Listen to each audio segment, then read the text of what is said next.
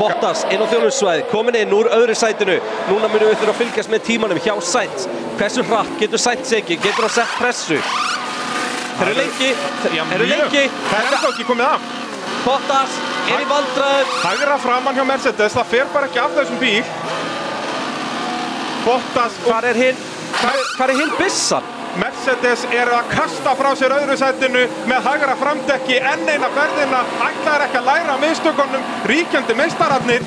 Af hverju er svona lengi að koma með aðra bissu? Dekkið fer bara ekki af, það er bissan sem er í lægi, dekkið er bara fast við bremsurnar eða felgan, rétt eins og gerist að bara einn. Já, hérna, hér Valtteri Bottas er hann að detta á leik hérna út af þessu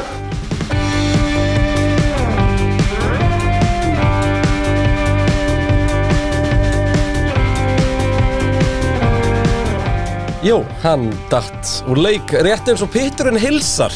Þetta bara gerist alltaf. Þetta, ég meina, þetta er bara svona, aldrei bóttast nettur úr leik eða fokkar upp í þjónusvæðinu og pitturinn kemur út 2-3 dugum senna. Bara bing, bara búm. Er það ekki bara svolítið þannig? Það er svoleiðis virkar þessi heimur. Ég hérna, ef þú ert ekki með trailer í dag, nýjan, sem að fjallar um sko, hvað við segja, svona, vorkenum Valtteri Bottas hornið, þá er ég illa svikið. Já, ég er náttúrulega bara með sko, svona, þegar Valdur í Botta sjálfur er að kveldskýta, sko. Já, það er meina, En- message en, já. að henda Já, honum það undir ekki, rútuna ef að fyrir Tóta þetta. Wolf væri í þessu stúdíu þá myndi hann byggja mig um að spila þann trailer Rétt. Það er svolítið svoleiðis Já, en heyrðu, þú ert að henda þess á mig bara, ég get ekki farið að klippa saman trailer núna Heyrðu, ég er að fara að bladra í svona ábyggla hálftíma hérna á eftir, ég er með svo svaðalegt sögu hérna að hálfa verið hellingur En það er ég með uh, ískaldan góstrykk í dós, sumarlegan, Það er svoleiðis það er nammi póki á borðinu og ég er búinn að finna út hvar ég halla stólnum. Og já, þú ert komið akkurat rétt angulið Já. Ég sé það bara hvað þú ert, þú ert alveg eins og nýriðin kettlingur hérna í núna sýrið Bara stúdíu gæti ekki verið betri. Það er bara svoleiðis sko. Taldi um að geta ekki verið betri. Það, eru, það, það er tvent sem við þurfum að ræða og fyrsta lagi, ja, það er þerrent Það er- sem við þurfum að ræða. það er alveg aðeins meira en það sem við þurfum að ræða Já, fyrir utan alltaf formuleitt keppni í vonugur um helgi. En þetta er ekki mikið að ræða úr keppni, Nei, en það er það var alveg hellingur að ræða laugardagurinn. úr helginni. Já. Já. Já, þetta var sennilega áminning á um það hversu úrkynnu kapparspyrut Monaco er, en djúvill elska hérna samt sem aður. Já, bara s- Ég á- sleppa ég sunnudeginum á í Þetta svona er bara of- lögadagur Ég á í svona ofbeldissambandi við Monaco. Það er svoleiðis Ég, þú veist, vikun áður er ég ótrúlega spenntur fyrir því að sjá hana. Já, en hvað Bara elsku Monaco, er ertu loksins bara að reyna þá koma. að ljúa því að þér að þetta sé skemmtilegt þess vegna er að segja, þú veist, ég, ég virkur þólandi.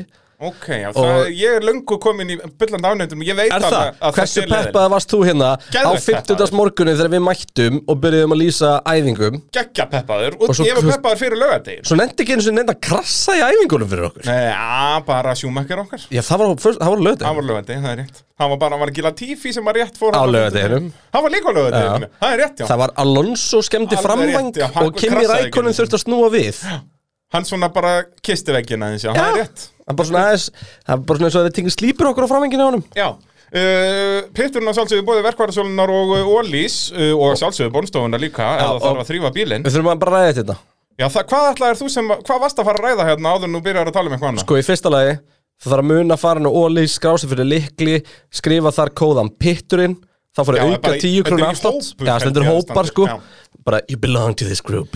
Það er svolítið, the pit, Þannig sýnir maður stuðningiverki. heldur betur Hvernig En- getur maður annars vegar sín stuðningi? Já, ekkert alltaf sínt bara stuðningiverki, heldur bara að vera með, því að eh, stór vinur okkar hjá verkfæra sölunni, þeir settu í sölu fyrir okkur núna, hvað ég var að segja, 20 myndum áður en að pitturinn fyrir loftið, nýju pits derhúðunar og Bragi, hann skartar sinni Hó, ég, mér hefur aldrei liðið upp sexy eða hún hefur ekki verið jafn sexy ég, ég, Bara aldrei Það þetta er bara, myndi segja að hún er alveg svona solid fjarki núna já, upp í fimm, meinaru Kristján, bara svona eins og upp í fimm, þú, þú mátt hafa það eins og vilt takk Það er, ég er svolít, svo- svolít fjarki af, eða svolít átta eins og ef þetta væri upp í tíu, sko Bara bing, bara bing nei, ég sagði að ég kallaði Já, aldrei nei, áttu ég, ég er bara að, að jú, jú, reiknist hann með þannig já, já, já Ah, En uh, derhúðunar, bara skella sérna í verkvæðarsóluna og kaupa húðu, þetta er ekki flókið mál þetta er náttúrulega ekki flókið mál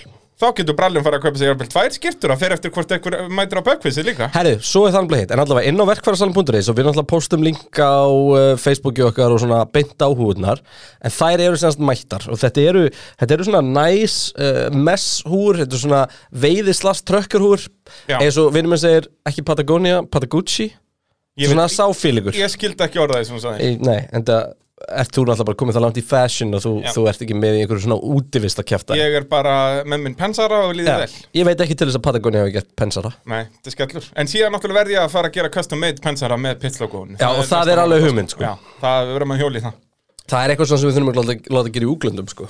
Já, já Þú veist, það er ekki að sauma pensara hérna Nei, neða, treysti sér enginn í slík verk Nei, þetta er flókið Það er svo leiðis Það er yfirsaumur og undirsaumur og allur pakkin sko. Já, fúf Sælla minning Myndur þú vilja rá- láreistan eða háreistan pensara? Ég ánefnilega báðar, sko eins og pensarin sem ég er með hérna ekki á hausnum núna og þetta ég er með, þessi er svolítið láreistur Já, þetta er lóreik Þetta er láreik, en ég á hæreik líka, sko Vákvæða fólk hefur örugglega gaman að því að ímynda sér hvað Já. við erum að útskýra hérna Það er til þess eru podcast En, svo er það hitt, tömminur og herrar Og það er næstkomandi Föstudagur, það er 20. og 8. mæ Þá verður pubquiz pitsins Og þetta, þetta verður úkslega gaman sko um, Við settum yndir loftið á meðan ennþá samkomundagmarginir Þannig við settum bara svona smá gjaldinn, þúsugallinn Það er nú ekki mikið Heyrðu, hvernig er það? Ég hef, veit ekki hvað fréttir eru og skoða aldrei slíkt Er bara, er COVID í búið? Ég var í bónus á hann og það var engin með gríma Það er að, það er að, það er að, það er í- að líðundurlokk Það er Ég svoleiðis vonandi. er, er grímuskylda ekki í, á Íslandi? Erum í við dag? alvörn að ræða það hér eða? Ég, ég veit ekki, ég þarf að ræða þetta við eitthvað, Ok, ég fer aldrei út úr húsi Ekki kalla mig út með þetta, því ég er ekki alveg viss með það Ok. Ég veit bara, að ég er ekki bólusettur Þannig ég notur úrlega grímunum minn ennþá eitthvað aðeins í búðum og svona Já. En um leið og ég er bólusettur Bara Pfizer in my body Það er Ah. bara out of it Ha! Það er bara að gera sem ég vil Það er, það er nákvæmlega svoleiðis Þú veist, Veistu hvað ég er búin að sakna þess að sleika hurðurana? Ég bara á glugga og svona, ég elska lappinu og þeirnast leikja glugga Fæði minn kendi Ég mér það fór svo að taka eftir í hvað börn gera mikið af þessu Svona eftir að COVID byrjaði bara Já. eitthvað Af hverju þetta jafla á hotninu á þessu borði, krakki? Þú veist, eitthvað sem ég pældi ekkert í fyrir Þá bara eitthvað svona liggur bara á með munninu eitthvað bara Svona ah. Mm. Veistu hvað er margir búin að leika sem enn bíl sem búin með uppið þér En hérna En allavega, á Föstudagur. föstudaginn, já, samkvæmdæmi er hefnum að breytast, þannig að mögulega getum við bætt við fleiri sætum, já. en þetta er bara þúsugallinn, það er tvei fyrir einn á, á barnum, þannig að þetta er ekki flókið. Já, bara Eh, með þú ert búin að fara einu sinna bara er, ertu búin að borga fyrir miðan Já, það er pub quiz the, from the B-Dog and the K-Seal og uh, ætlaði þú að gera með einhver sögustund líka? Já, sko, eigum við ekki bara að taka upp léttan pits þátt Jú, ég held alveg alveg Tökum upp pitstát í beinni Það sem að við erum líka, sko, og það sem við myndum vilja er að þeir sem koma væri jafnvel bara með undirbúna spurningar og, Eða óundurbúnar Já, eða óundirbúnar, já, algjörlega ég er ekki að byggja fólk um eitthvað að heima og segja, já, já, ég kvöld er ég að fara á pittin, nú ætla ég að skrifa niður spurningar. Mm. Nei, en þú veist, og f- mín vegna, þá má það alveg vera, til dæmis, þú veist, við gerum alltaf þáttin um ferli minn, Já, hann má það má spyrja spyrja út í alveg, hann, já, því að við, við svörum alltaf, um- við ætlum alltaf að gera svona Q&A pits útgáfa af því, ef að fólk Já. vildi spyrja, Við gerum það þá bara fyrstu við gerum það bara fyrst daginn, Já. og svo er alltaf annað, að móti mér situr fyrir um Íslandsmeistari, Það er svolítið, við erum báðir Íslandsmeistarar það er rétt, Það vil gleymast það vil gleymast, Það er svolítið svolítið og uh, já, Þannig að það má fara að spyrja, ræða. beð hundin af ýmsu líka Já, það er Ég hef, ég hef oltið bíl sem var að keppa í rallycrossi bara um síðustu helgi Já. Ég Bara, hef olti á rallikorsbreytni, ekki í rallikorsbíl hæ? Já, auðvitað, já En, já, jú Sætla minninga Það er, samt sko á go-kartbíl að velta Það er meira bara svona eins og að detta á hausinn Út að þú ert ekki, já, það er ekkert veltibúr Þú ert bara Þetta Æ, hausin á 80, já, Já, ég segi það, þú veist eins og Þú talar ekki um að velta motocrossjóli, þú dast bara af því já.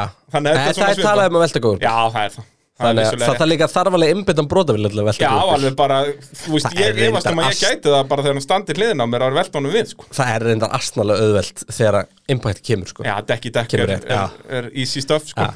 En við höfum bara setið í formúli Þetta er bara nákvæmlega eins og þegar að Hulkenberg I feel like a cow Og, og, en skellur að þú hendir ekki það komment aðna, þegar leiðir Ég var ekki hangandi Já, rétt. Ég var ekki hangandi Þú Ég var hoppaðir líka sungur, bara út. ég var meira svona kálfur Já, varst kálfur. En hérna, en allavega, á föstudaginn, miðar á þetta er nú gametv.is Það er event á Facebook, það er alls konar, bara fyrir netvæslunna þar Og uh, bara það sem að okkur langar líka bara mesta öllu er að hitta hlustundur Þú veist, það, við hefum ekki búin að, við hefum ekki búin að hafa neitt tækifæri til þess Það er margir búin að kalla eftir þessu Það eru nokkri miðar eftir, þannig að náuð ykkur í miða og hitti okkur á föstudaginn Þetta er sérst á skemmtisvæði smárabjó Klukkan, hvað er þetta og eitthvað svona, á maður að vera mættur að bara klukkan fimm? Þú voru eða? ekki að tala um að húsið opni 1930 eða?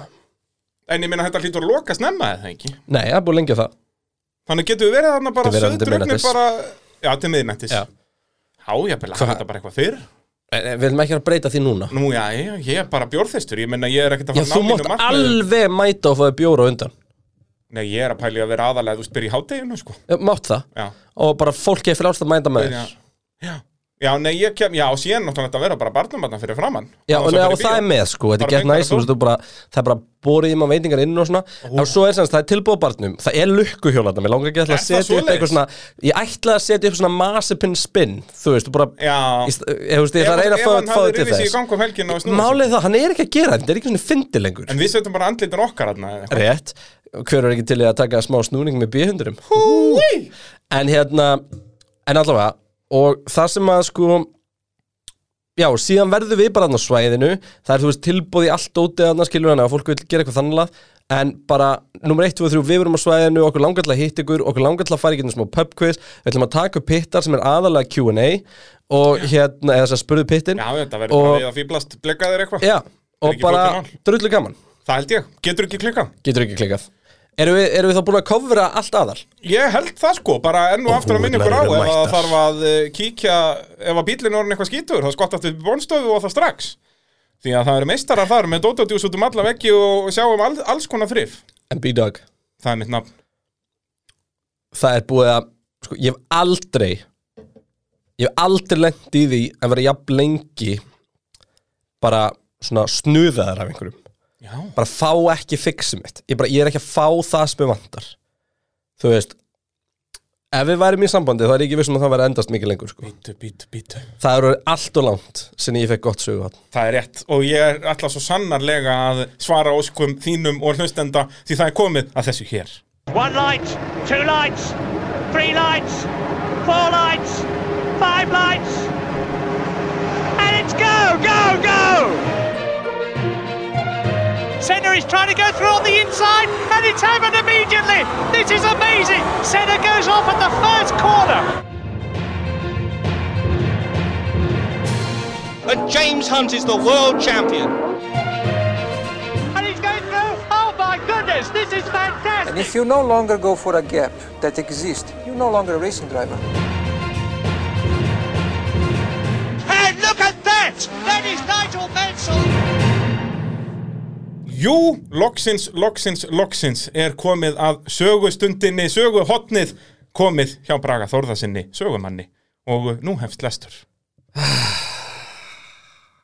Áður en ég tala um kappaksturinn sjálfan er verðt að líta þess að sögu fyrstadæmi sinns Monaco, enda verða það að teljast stórmerkilegt að borgríki sem er helmingi minna að stærð en Altanes og með sama fólksvelda og Kópavóur Bíddu, bíddu, bíddu, bíddu. helmingi minna en áltaris, það er það Altanes er alveg svona heldur tæpir 5 ferkilometrar, Monaco eru 2,2 ferkilometrar. Þannig þetta er meira svona eins og þú veist, áslandið í hafnafyrði eða eitthvað svo leiðis. Já, þú Ásland veist. er auðvitað starra Nei, Já. Áltanis er búið að stakka heldur mig Eða þú veist, nei, ekki nesið sjálft en hverfið En þetta er geggjus, það er reynd Já, Þetta Altanes, ég er ekki gæti að tala um sko Altanes, út af núna er ekki Garðabar orðin Altanes núna? Já, fyrir utan það náttúrulega Já, en Við- ég er bara að Við tala um gafum ekki að nesið, keiftum sko. okkur sundlu og ræðgjöslum Já, nákvæmlega, allir aðeins En, en uh, það er rétt, Monaco uh, þetta fyrsta Þetta er dæmi er geggjum staðreynd. Jep, þetta er bara, þetta er fáránlega lítið sko. Þess vegna varst að spyrja mig fyrir helgi Hvað eru minnstu bæjarfélag í Íslandi Já, ég vildi, ég vildi fá að komast að þessu og uh, já, og með fólksfjölda á, á svipuðu kaliberi og Kópavóur, það búa þarna 39.000 manns bara svipaðu í Og af Kópavóur þeim eru 26.000 Formule 1 ökumenn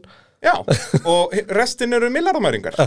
það er bara svo leiðis uh, þannig að, að, já, það svona pinkulítið ríki geti haldið stærta og virtasta aktusjúrta viðbörð ár hvert er ansi merkilegt og þess vegna langar mér bara að byrja á að dífa mér aðeins í sögu Monaco áður en við förum að tala um kampaksturinn sjálfan eins og ég segi, sko, ég er búinn að vera í svo miklum sögustundar ham að ég bara fór í alls konar svona rabbit holes út um allt bara um sögu Ok, Monaco ok, kérðu Ítalska Grimaldi fjölskyldan egnaðist hluta af söðuströndum eiginlands Evrópu sem kallaðar var Mónakosteinnin árið 1297. Í gegnum aldirna réðu þar spánverjar, sk- eh, sardiníumenn og frakkar en eh, það var ekki fyrir 1861 sem að frakkar gáfu Mónakó sjálfstæði. Sjálfstæði Mónakó þýtti að nú var Grimaldi fjölskyldan orðina konungsfjölskyldu en samningurinn sem fjölskyldan gerði við frakka kostaði sitt. Mónakó minkaði um 80% og þar með hvarf helsta tekjulind ríkisins, reisastóru sítrúnu akratnir til austurs. Borgríkið var aðeins 2,2 ferkilometrar að stærð, rétt eins og það er í dag, og með engar sveitir eða fiskvinnslur þurfti Grivaldi í fjölskyldan að leita eftir öðrum tekjulundum. Þau nýttu sér reglugerð sem var við líði í flestum Evrópulöndum á þessum tíma að fjárhættuspil væru stránglega bönnuð. Þannig var Monte Carlo kasinóði stopnað árið 1863, tveimur árum eftir að Monaco fekk sjálfstæði sitt. Kasinóinu gekk illa fyrstu árin þótt Evrópubúum langaði svo sannarlega að veðja peningum sínum að þá var ekki hlaupið að því að komast niður til Monaco. En með tilkomi Marseille eh, Ventimiglia lestarteinana var Monte Carlo kasinóið gríðarlega vinsalt. Svo vinsalt að árið 1869 grætti borgríkið svo mikið á spilavítinu að Grimaldi fjölskyldan hætti að rukka ríkisborgara sína skatt. Fyrir vikið flokkuðust allar ríkustu fjölskyldur Evrópu til Mónakó og hafa haldið sér þar síðan. Af 39.000 íbúum eru rúmlega 15.000 miljardamæringar en aðeins eitt fjórði íbúa eiga rætur sína að rekja til Mónakó sem þýðir að tæplega 30 30.000 íbúar eru erlendis frá og komu í skattaskjólið með sína Þannig að- miljónir einfallega til að njóta lífsins og fara í partí. Þannig að Kallileg Klerk okkar Hann er eitthvað 1 á 12.000, sagði það Uh, sess að já, já uh, Nei, nei, hann, hann er einn af 9.000 sem eru 9.000, þaðan frá 9.000, já. Þeir eru þrjá- 30.000 af 39.000 eru erlendis frá Já Þannig að, og það var bara verið fjórir formuleitt okkur menn sem hafa komið frá Monaco Leclerc einn af þeim, Og hver er hinn þrýr? Hvernig það í sögustundinni? kemur í sögustundinu, verður Já, bara rólegur. ég er bara, ég er bara, ég er bara spenntur Það er bara svo leiðis uh, Eins og ég segi, þessir uh, 30.000 erlendis frá komu þarna í skattaskjólið með sínar miljónir einfallega til að njóta lífsins og fara í partí Stærsta partí Monaco búa fer fram síðustu helgina í mæ ár hvert Þetta er það sem gerir Monaco kappaksturinn að stærsta akstus íþrótta viðburði ár hvert. Því alveg frá upphafi síðustu aldar hafa peningarnir í Monaco laðað að sér fræga fólkið. Smáríkið var alltaf að verða vinsalla og vinsalla en árið 1956 fóru vinsaldir þess í nýjar hæðir. Heimsfræga ameríska leikonan Grace Kelly kynntist Grimaldi fjölskyldunni á Cannes kvikmyndaháttíðin árið 1954 og giftist hún prins Rainier Grimaldi III tveimur árum setna. Nú þegar við vitum af hverju Monaco kappaksturinn er svona vinsall er verðt að rýna í hvernig Er- er- þetta byrjaði allt saman. Ertu búið með Grace Kelly hlutan? Ég er búinn með Grace Kelly, sko, spurninga ég skelli bara hérna, Að ég kom með crazy fact býtu, hvað er með Crazy Fact? Ég hef kyrt bíl sem Grace Kelly átti Það er svoleiðis. Það er svolítið Býtu hvaða, ha? Hvaða bíl og hvernig uh, var, var það til? Hann var í bílasafni sem ég hafði aðgang að í einu liðinu sem ég var í og heitir Já. Excalibur Já, er, er þetta bara svona eitthvað one-off? Þetta er svona, nei, en þetta er Ég held þetta sé bílinn sem Grimildur Gráman kerði á í 100 erum dalmatíundum Já, þetta er svona þannig típa að, Já. Að, já. Þetta er bara eitthvað vitleisa já, og enda hann var nóg til hann Já, Grace Kelly lögrandi letta bárunni þetta var störlu staðin dagsins En þú veist, ég veit ekki, þú veist, það, það stóð ekkert En mér var sagt að það, að þetta, þessi hefði verið keiftur af prinsinum í Monaco En með margt annað sem var líðan, það veit ég ekki En þú veist, ég veist að það var gaman að halda það Grace Kelly, sko, hún lést þarna Í bílslysi. 84 í bílsleysi með, með dóttu sína með, en hún sem betur verið lifið af Grace Kelly fekk bara, var það ekki heilablafall eða hjartafall eða eitthvað meðan hún var að kera Og verður hreinskilin? Ég hef ekki hugmynd á það. Ég með minni það, Eh, síðan er líka með aðra styrlaðastarinn Grace Kelly, fyrst að þú hendir þessu bara á mig að Grace Kelly dó á sama spítala og einu ökumaður sem dáið hefur í monokokapakturinn sem er kannski eitt svo styrlað og þetta eins og ég segi, þetta er pingu lítið plása það er ábyggilega bara Líklegast ekki margir spítalar hana En spítalinn heitir eftir Grace, hún, hei- hann heitir Grace Hospital. Og er það þess vegna sem þetta heitir Grey's Anatomy Já, öruglega. 100%. Ok, þetta var Þa- lélugur það- það, brandari er- það, það er allan ástæðan af hverju lagið með Mika heik- heitir Grace, Grace Kelly. Út af spítalunum Nei, nei, bara út af henni gerir á fyrir. Já, líklegast Þú Uh, eins og ég segi, nú erum við aðeins búin að kynnast svona... ert ekki neitt búin að tala um Formule 1 bræði Nei, nú, nú er ég að fara að byrja á því, sko, og söguhotni ég er búin að vera í alveg góða fimm mínútur, sko, þannig að bara spenntu beltin. Monaco kappaksturinn fór fri- fyrst fram árið 1929, 21 ári áður en að heimsmeistaramóti í Formule 1 var stopnað. Fyrsti kappakturinn var haldinn af Antoni Nókjes árið 1929 en Antoni hafði þá í nokkur ár skipulagt Monte Carlo-rallið. Veistu núna af hverju síðasta beigjan heitir þessu nafni? Já, Já, það er vegna þess að... en það er svo leiðilt að bera fram Og þeir koma inn í gegnum Anthony Noyes Já, og ég veit heldur ekki ennþá hvernig, þetta er sko N-O-G-H-J-S Noches. Noches, eitthvað svo leiðis Noyes En hann sem sagt var að halda Monte Carlo rally og það byrjaði löngu fyrir þetta, það byrjaði bara 1910 eða eitthvað Rallið fór þannig Byrjaði fram að Monte Carlo Rally 1910 Já.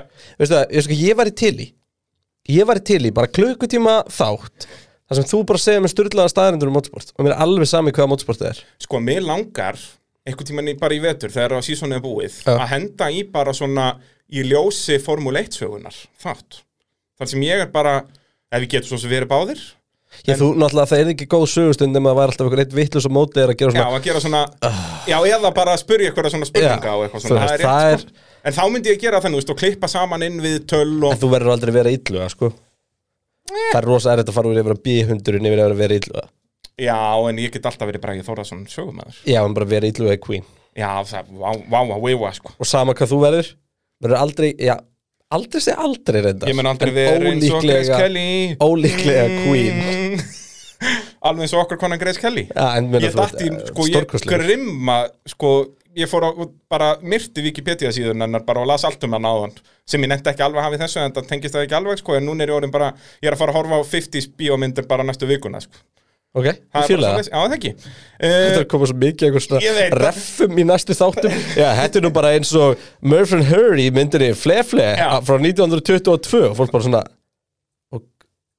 Ok, ok Eh, Ok, ok, það er nákvæmlega svo leið sem þetta verður uh, En talandi um þetta Monte Carlo rall Rallið fór þannig fram að 100 km voru eknir þvert yfir Evrópu en endamarkið var alltaf í fyrsta dæminu Antoni Nókjes uh, vildi breyta rallinu í kappakstur en á þessum tíma var mjög lítill munur á göturallum og Grand Prix keppnum Ekki fekst leiði fyrir því þar sem kappakstrar samkvæmt reglum þurftu að fara fram í einu og sama landinu Það er náttúrulega Monte Carlo rally byrjaði oft bara í Skotlandi og þeir kerðu bara niður og eins og þú veist byrjaði í Búlgaríu eða eitthvað og þetta var alltaf bara út um alla Evrópu. Já, það Uh, var svona milla mikli að shit akkurat.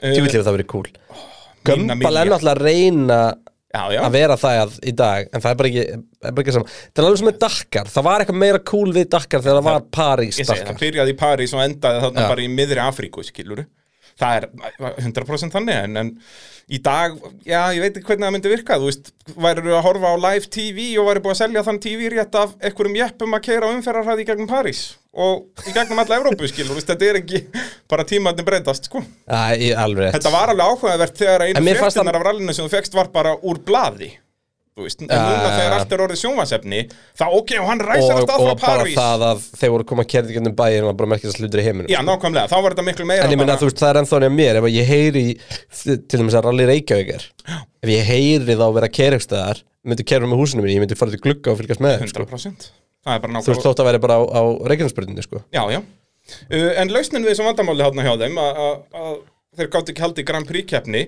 var þá bara einfallega að gera braut í bænum ekki auðvelt verk, þar sem flest allar brautir á þessum tíma voru mun lengri en allar guttur í Mónakó samanlagt og voru yfirleitt ekki nálagt borgum þetta var náttúrulega eins og við höfum komist að í gömlum söguhóttnum, þetta var vissulega stundum í kringum svona einhverja smábæi og jafnvel í gegnum þá en yfirleitt svona í kringum þá Já, eða frá einum smábæjar til annars smábæjar Já, þú veist, eins og Le Mans er til dæmis og er enn þann dag í dag, þú ert bara að keira milli bæja þarna í niður í enda er Frakklandi. makkið í og miðurleið Já, já, ég segi það, bara á ringtorki þarna á, á milli þessa bæja og, og eins, þú veist, Monsa vissulega er í borg en var ekki, Monsa er samt svona almenningsgarður Þú veist, Já. hann var, þetta var og pluss það hefur ekki verið svona þjæppbyggt þá sko. nei, já, ef ekki þannig, það var bara bæðir þegar þetta var byggt, sko og þetta eru svona einu brautinnar, þú veist, Núrburgring er byggt þarna hvað, hvernig var það, 20 og eitthvað eða ekki Já, og það eru náttúrulega sko á norðurslöfunni þá er alveg hvað, tvö þorp á leiðinni eða eitthvað Já, sko og meira, og það er náttúrulega líka bara út í raskati, skilur Já, Þannig að þetta var, svona götubrautir voru ekkert, þetta þekktist ekkert, sko. Nei.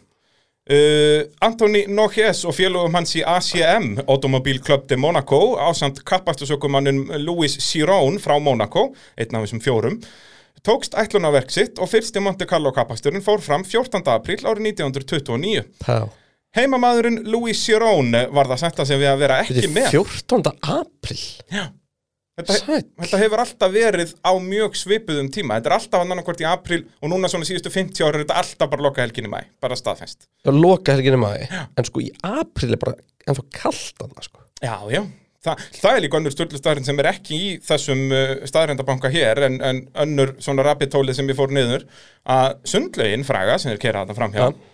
að það á veturnar verður það æsring þeir frista þetta þannig að þú getur fara að skauta í olimpíu sundlauginni það er fucking snill, Það er bara við geggjuð sjóum hugmynd. þetta er bara af hverju er ekki fleiri að vinna með þetta Uh, já, hérna, heimamaðurinn Louis Chiron var það setta sem við að vera ekki með þar sem hann var búinn að lofa sér í Indianapolis 500 keppnina sem framfór sama dag alveg eins og þekkist mjög oft núna Indy 500 er yfirleitt sama helgi og, og Það voru ekki Monaco. tímatökur um helgina Gott ef ekki, er keppni næsta helgi? Ég held að Já, geti verið. Sigurvegarinn í þessari fyrstu keppni var William Grover Williams á Bugatti þó að Rudolf, Rudolf Carac- Caracciola á sínu Mercedes átti Sigurinn vísan þar til Mercedes klúðruðu pitstoppi og hann endaði annar. Gleimd þessu Það er nákvæmlega svo leys. Þeir voru fjórar og hálfa mínútu að fylla bensín og skiptum dekk. Það er mjög fyndið að segja frá því Ef um leiður segja Rudolf þá vissi ég að myndi koma þýsku bílaframlegandi í framhaldi Já. Caracciola, það munar kannski eitthvað eftir honum úr söguhotnin, söguhotnin úr Núrburgring. Já. Þannig er ástæðan fyrir því að Þarna beigjan er Tók kölluð- alltaf, tók alltaf skurðin En nákvæmlega, og hann var algjörð hlettjand annars sko, enda grjótarinn assisti Þú Sírón, var algjörn legend í Fraklandu til maður grjótari nasisti Já, já, já, flott bara, bara, það er, þú veist, eins og þegar þú ferð á Wikipedia og segir að hann er alltaf í fyrsta set, það er alltaf nazista fónum liðin á honum Í alvörunni yep. og síðan, þú veist, e- nokkrum árum setna fór hann að keira fyrir Auto Union og bara e- a- allir löðrandi léttir, sko Já, Það er bara, það er nákvæmlega svo leis. Sirón tókst þó að vinna kappaksturinn sem hann hjálpaði til við að setja á laggirnar árið 1931. Engin Mónakobúi hefur unnið keppnina síðan. er að skrifa E C-H-E-R-O-N Já.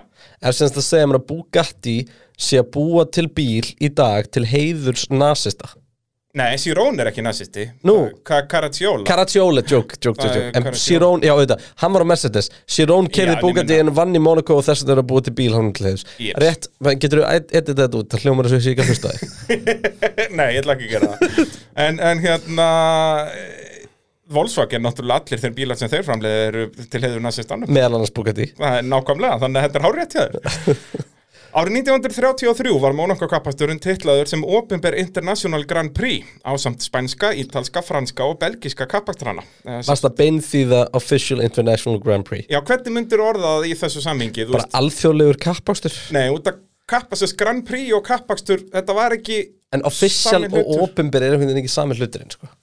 Nei, heldur ekki sko, en sérst Þetta þarna er svona, þetta er keppni í heimsmestarmóti eða eitthvað annir sko, sem þú ert Já, að leita, en það, þa- það sem þarna þú ert voru- að leita þarna sko. var mótaröðu, nei, út af þarna var ekki komin mótaröðu Málið er að þú veist eins og þarna var til dæmis Já, Bretland en ekki þetta einn af þetta- þessum þetta var svona official staðfest einhvern veginn, já, Já, þetta var svona meira Þetta var stórmót. Meira Þetta var stór- prestísi stórmeistaramót. Þú veist eins og í Fraklandi voru fullt af kappaksturum En það var bara einn sem var international þetta var major Og Monaco fekk að vera international Og þó að þeir voru bara nokkrum árum áður að ströggla Þú veist, ástæða fyrir öllu þessu rallyvesenni og, og það að sest, fá að gera Grand Prix, þetta var aðalega til þess að sambandið í Monaco fengi að vera independent en ekki bara partur af frönsku samstefinu Já. Þú veist, þannig að þetta var alltaf þessi pólitík í gangi hana. Á næstu árum jukust vinsaldir kappakstursin sem meira og meira. Storma samt veður setti strík í reikningin árið 1936 en keppnin fór þá fram. Uh, keppnin fór þó fram, já eins og ég segi, uh, en göturnar í Monte Carlo voru nánast á floti. Ekki hjálpaði til að olíuslanga Alfa Romeo bíls Mario Tadini brast og dreifði olíu út um alla braut. Já, Okkur hefði vantað eitthvað svonum helgina Já, það hefði verið fínt. Fyrir vikið luku aðeins nýju bílarkeppni og á tíma var nánast ómögulegt að komast fram hjá öllum ónýtu bílunum sem að söpnuðust saman í hleiknum út úr göngunum. Þetta er magnað, það er hægt að finna þetta á YouTube, bara Monte Carlo 1936, að þeir bara komið út úr göngunum, náðu ekki að bremsa og röðuðu, það voru bara komin, þú veist, tíu bíla kirkjugarður hérna bara í hleiknum. Var þetta einhver svona kvartmjölubraut annað við hliðina Það mætti, kannski var, var göngin á þessum tíma kvartmjölubröð. Kvartmjölubraut Ég hugsa að gripið þarna hafi verið eins og á þessari kvartmúlubrauti Núrburgring, Hockenheim. neða Hockenheim, bara öll brautin hefur verið þannig. Ah. Og þeir náttúrulega á hjólreiðadekkjum á, þú veist, 500 Já. stafla bílum, sko, þannig að allir löðrandi léttir hann. Rudolf Garacciola, okkar maður hann, síndi það og sannaði með ekstri sínum í olíunu og bleitunni og þröngum götu Monaco að hann var svo sannarlega Rækenmasta, eða regnumista. Já Hann fekk fyrst þetta nickname og, þú veist, Ég, löngu á ég, undan bara, sjúmakir. ég satt þannig að var áhyggjur af því að við erum bara komin fram til ásins hvað 1929 Já, nei, 36, maður, það 36. er alltaf að gerast. Já. Uh, Það er hálftími búin á podcastinu Já, Ok, uh, hann er sem sagt, var þarna ofinberlega titlaður og var alveg búin að vera titlaður þetta fyrir, uh, Rækenmæsta Rækenmæsta og kom í mark í fyrsta sendi. Nasista fáninn blakti því yfir Mónakó, rétt eins og hann átti eftir að gera frá 1943 til 44. Og þetta var önnur rabbit hole sem ég fór honni, en ætla ekki að fara meira í hér. að Hvenar, þú veist, út að þetta er ekki á sama tíma, sko, þannig að þeir voru lúmskir í Mónakó að vera bara, út að helmingunum af þjóðinni þeirra voru ítalir og hinn er frakkar, þannig að þetta var djöðs vesen, en þeir einhvern veginn náðu bara svona að vera njútrál þangað til að ítalarnir komið þarna og svo og síðast árið af stríðinu þarna, næst síðasta komu þjóðverðarnir okkar löðrandi litir. Já. Á stríðsárunum voru yngir kappakstrar haldnir í Evrópu. Frakkar voru þeir fyrstu til að halda Grand Prix eftir stríð og þó að svo keppni hafi farið fram í París aðeins fjórum mánuðum eftir stríðslokk árið 1945 var ekki haldin Monaco kappakstur fyrir 1948. Það var svo árið 1950 að Federation International Automobile, eða FIA, eins og við þekkjum í dag, stopnaði heimsumstaramót Ökuþóra, kallað Formule 1, og var Monaco kappasturinn að sjálfsögðu partur á mótinu eins og hann hefur verið allar göttur síðan, fyrir utan 51, 53, 54 og 2020. Í þessum fyrsta Formule 1 kappakstri á Götu Monte Carlo var það argentínumadurinn Juan Manuel Fangio sem að náði sínum fyrsta sigri af 24 á leið sinni að verða fimmfaldur heimsmeistari og góðsögn Formule 1. Á sjöfund áratögnum var það Graham Hill nánast óst, sem var nánast óstöðandi í Monaco og vann fimm keppnir.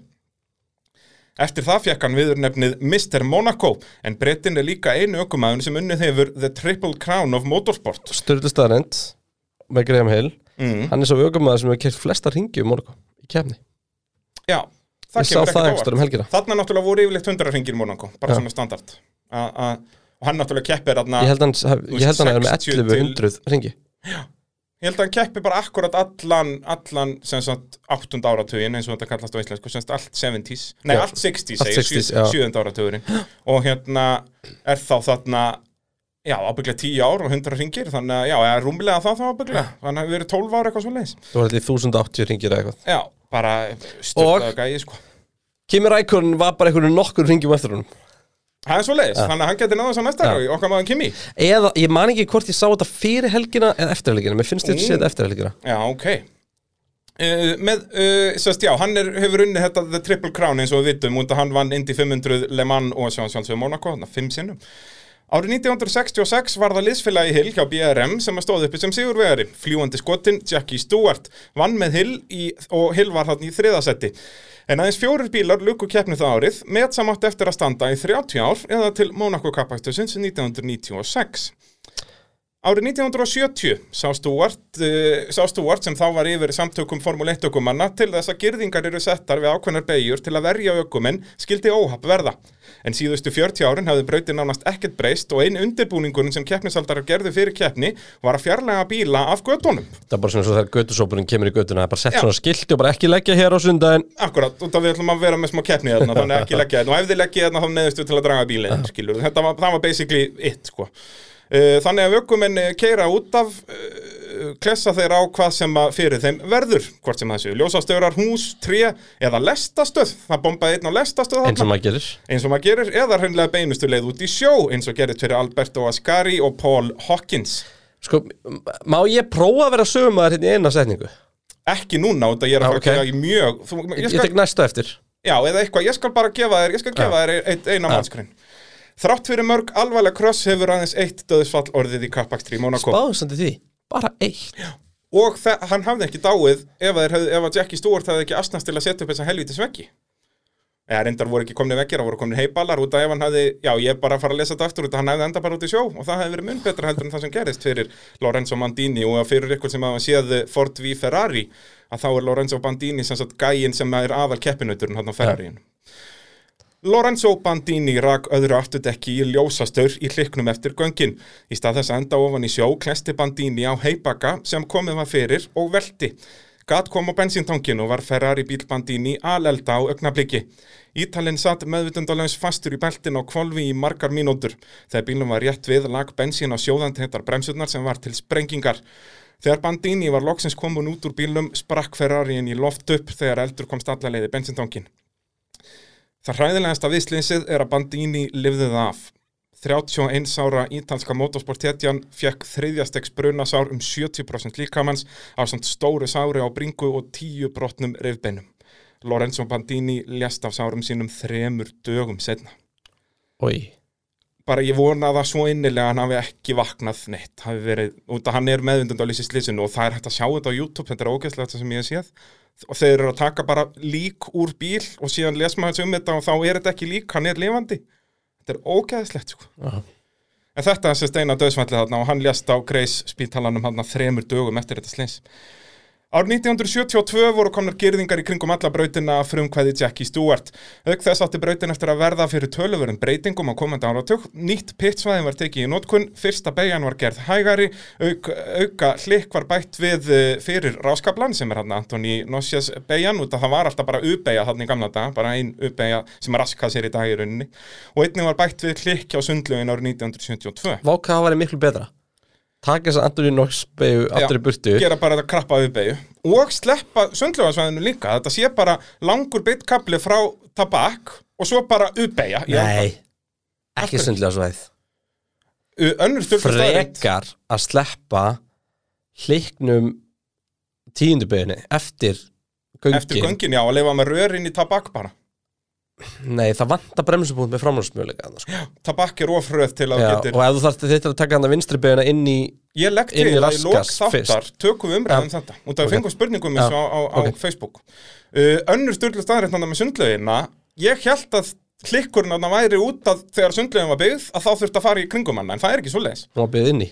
Nei, það er bara sundlaun var byggð þarna 61 eða eitthvað, þeir kerra alltaf bara fram hjá henni síðan var þessu bara bætt við bara að því bara Já, Já, kæra alltaf bara beint fram hjá hann. það, var, það er vegur hérna, ef þú skoðar myndir bara á Google Maps að þá er, getur þú kert hann bara alv, alveg meðfram sjónum, skilur, og alveg sleppt þessum klikk, Sundlegin er bara svo cool. þetta er geggja Þetta eru svölustu beigri formule 1 sko. eins og mér langar geggjað að vera þarna í desember og fara að sk- og sk- skauta þarna það er bara geggjað, Ég bara var við líka bara sjónum rosalega til að vera þetta síðust helgin í mæ og horfa á að fara Já, þetta fram já, hjá. það væri svo sem líka alveg fínt En sko. ef við varum á skautum að gera það, Allir aðeins bjó, þú, ég, ég ætla að bjóða þér næstu, næstu málskrin býtum við, Frá áránum Frá árunum 1984 til 1993 unnu tveir ökumenn alla Monaco kapastrana. Þetta voru að sjálfsögðu Alan Prost og Ayrton Senna en slagur þeirra var eitt sá sögufræðast í formúlu sögunni. Heri, Ég ætla ekki að gefa þér aðra málskrin Þá ertu að fara að taka mér jobbið sko. Var þetta gott? Þetta var geggjað sko Hú, Það var líka, ég ætti að gefa þér sko, dramatísku málskrinnar Þetta var alveg bara Hú Afton Senna náði sigurmeti af Graham Hill er hann vann Monaco kappaksturinn í sjötta skiptið og fymta skiptið í röð árið 1993. Senna, sem eins og svo margir aðrir formúlökum en átti heima í Monte Carlo og þegar hann klesti McLaren bíl sínum í portierbeginum með aðeins 12 ringi eftir árið 1988 með góða fórustu á Prost, lappaði hann beint heim. Með sigri þetta ár hafði hann tryggt sér sjöunda sigurinn í röð þarna í keppni 93, en í staðinn er eitt ár þarna á milli, hann vinnur þarna sex keppnir á sjö árum en þetta hafði verið já, hann hafði ekki unnið að sjö og þessi 1988 kappakstur þetta er sko helgin sem hann tekur einu og hálfa sekundu á prost í tímatökum þetta er frægasti yngar ringurinn sko. það er Oh þarna my 88. god, hvað hann er trilltur Þetta er bara- sáringur. þetta er bara vitleisa sko bara al... og málið er að það var ekki til yngar af þessu í 20 árið eitthvað, þetta var eiginlega, ég held að það var bara verið grafið upp fyrir senna heimildamyndina Já, út það af tímatökunum var ekki brotkastað þarna af ykkurum ástæðan, það voru alveg byrjar að brotkasta tímatökum löngu er fyrir þetta bara svo leðilega Monaco. Við erum að fara að tala um það á eftir líka aðeins. Árið 1996 kláraði aðeins þrýr bílar keppnina, þó að fjóru bílar uh, þó að fjóru bílar sem að duttu út uh, leik á síðustu ringjónum voru teknilega svona classified, ég fann ekki gott orðið verið það á íslensku. Þeir fengu, semst að- fengu stig. Þeir kláruðu basically. keppnina. Já, kláruðu keppnina. Þá var frakkin Olivier Panis sem náði sínum fyrsta sigri í Formule 1 fyrir Ligier, fyrsta og eina sigri, lið sem að Alan Prost átti eftir að kaupa árið eftir. David Coulthard varð annar fyrir McLaren, en skotin keirði með hjálm frá Michael Schumacher sem hann fekk í láni frá ríkjandi mestaranum eftir að Mikil Móða var að sapnast upp í hjálmi Coulthards í æfingum. Þetta var náttúrulega geggja út að þetta var bara frægi, þetta er ekki eitthvað svona bara hvítur spyrir. bara rauði. Þetta er bara, já, hann er hann hvítur með þýskafánanum, sko. Nefnum þetta er bara Coulthard á Æ, McLaren. Þetta er orginal sem að gera hún auðvitað. Já, akkurat uh, Engin velunapallur var í Monaco heldur fengu ökumenn velunagrippi sína á ráskablanum sjálfum sem var breytt í Park Ferme eftir keppni. Þetta breyttist árið 2017 þegar velunapallur var komið, fyr, komið fyrir hliðin á ráskablanum. Heldur betur búið að upp- nýta COVID í og uppgreita. Heldur Það fóru allir að smíða heima á sig í COVID. Já, 100%. Gera fínt, pall og svona dót. Og hvað gerir prinsinn? Hann hendi bara í veluna standan. Hendi, já, ekki COVID svo sem þetta var hann 2017. Þau fóru aldrei upp, það var alltaf bara á tröppunum. Nei, þetta var 2017, hann fóruður upp. Er það? Já, ég nefnilega glemdi því líka sko, ég held að þetta væri bara, ég, mér fannst þess að ég hefði Nei, aldrei þau séð voru alltaf á tröppunum fyrir neðan. Ekki. Fyrir neðan þetta, sko. þetta. ekki 17, 18, 19. Jú, já. En ég, eins og ég held Jú, það er rétt, já, það er búið að dreifa sér mynd núna af Fettel, hérna, Alonso og Button og svo pallinu núna um helgina og bera á saman. Það sem er Red Bull Prodigy, hérna, Já, Spanveri en hjá þá- Ferrari og, og Breti hjá McLaren. Akkurat, en þá eru þeir á, á tröppunum, sko. Nei, er það ekki uppi? Nei, einu þetta er 2011 eða eitthvað sem þetta er, eða 2010. Þetta var 2017 sem pallurinn kom. Nei, Button, jú, vá, tvill tími fljóður að lifa það maður. Já, ég meina þetta er bara þarna þegar að Vettel er að byrja að vera góður hjá Red Bull, bara Já, það 2010. er rétt. uh, eftir því sem Formule 1 bílarnir Það sé ekki þróast... tíu ár síðan. Það er örgla. Já, getur passað þetta sem 11. Þó ég held að þetta hafi verið 10 frekar. Fyrsta, fyrsta, sest, fyrsti titill til Vettel árið. En hvað veit ég? Eftir því sem Formule 1 bílarnir þróast ár hvert verið skötubrautin henta æver til kapakstus. Þetta sannaðist árið 2003 þegar að engir framórakstarar voru í keppninni. Keppnin er þó enn mjög virt og flokkast, eh, flokkast stórstjórnur í fyrsta dæmið síðustu helgina í mæ ár hvert til þess að horfa á keppnina með, eh, og með reglubreitingunum á næsta ári getum við aftur fengið líf í þennan sögufræga kapakstur. Og þar með er lestir lokið. Takk, takk fyrir mig, takk fyrir mig. Og þarna sko takt eftir að ég sko flýg alveg yfir svona síðustu 30 árin til að eiga fyrir næsta ár sko. Já, Maður er lúmskur, maður er lúmskur, við veitum náttúrulega að pitturinn er að fara að vera enn næstu 20 árin. hérna Já, það er kannski bara spurning, bara á þessum lokaðurum að við byrjum á að ræða alla framúrækstra í braut um helgina Ég mann það nú ekki alla, þeir voru alveg það margir Það voru bara svona átta eða eitthvað Nei, ég er að tala um í braut, sko, ekki á þjónursvæðinu Já, já, bara á fyrsta ring eru ábygglega nýju Nei. Framráttur.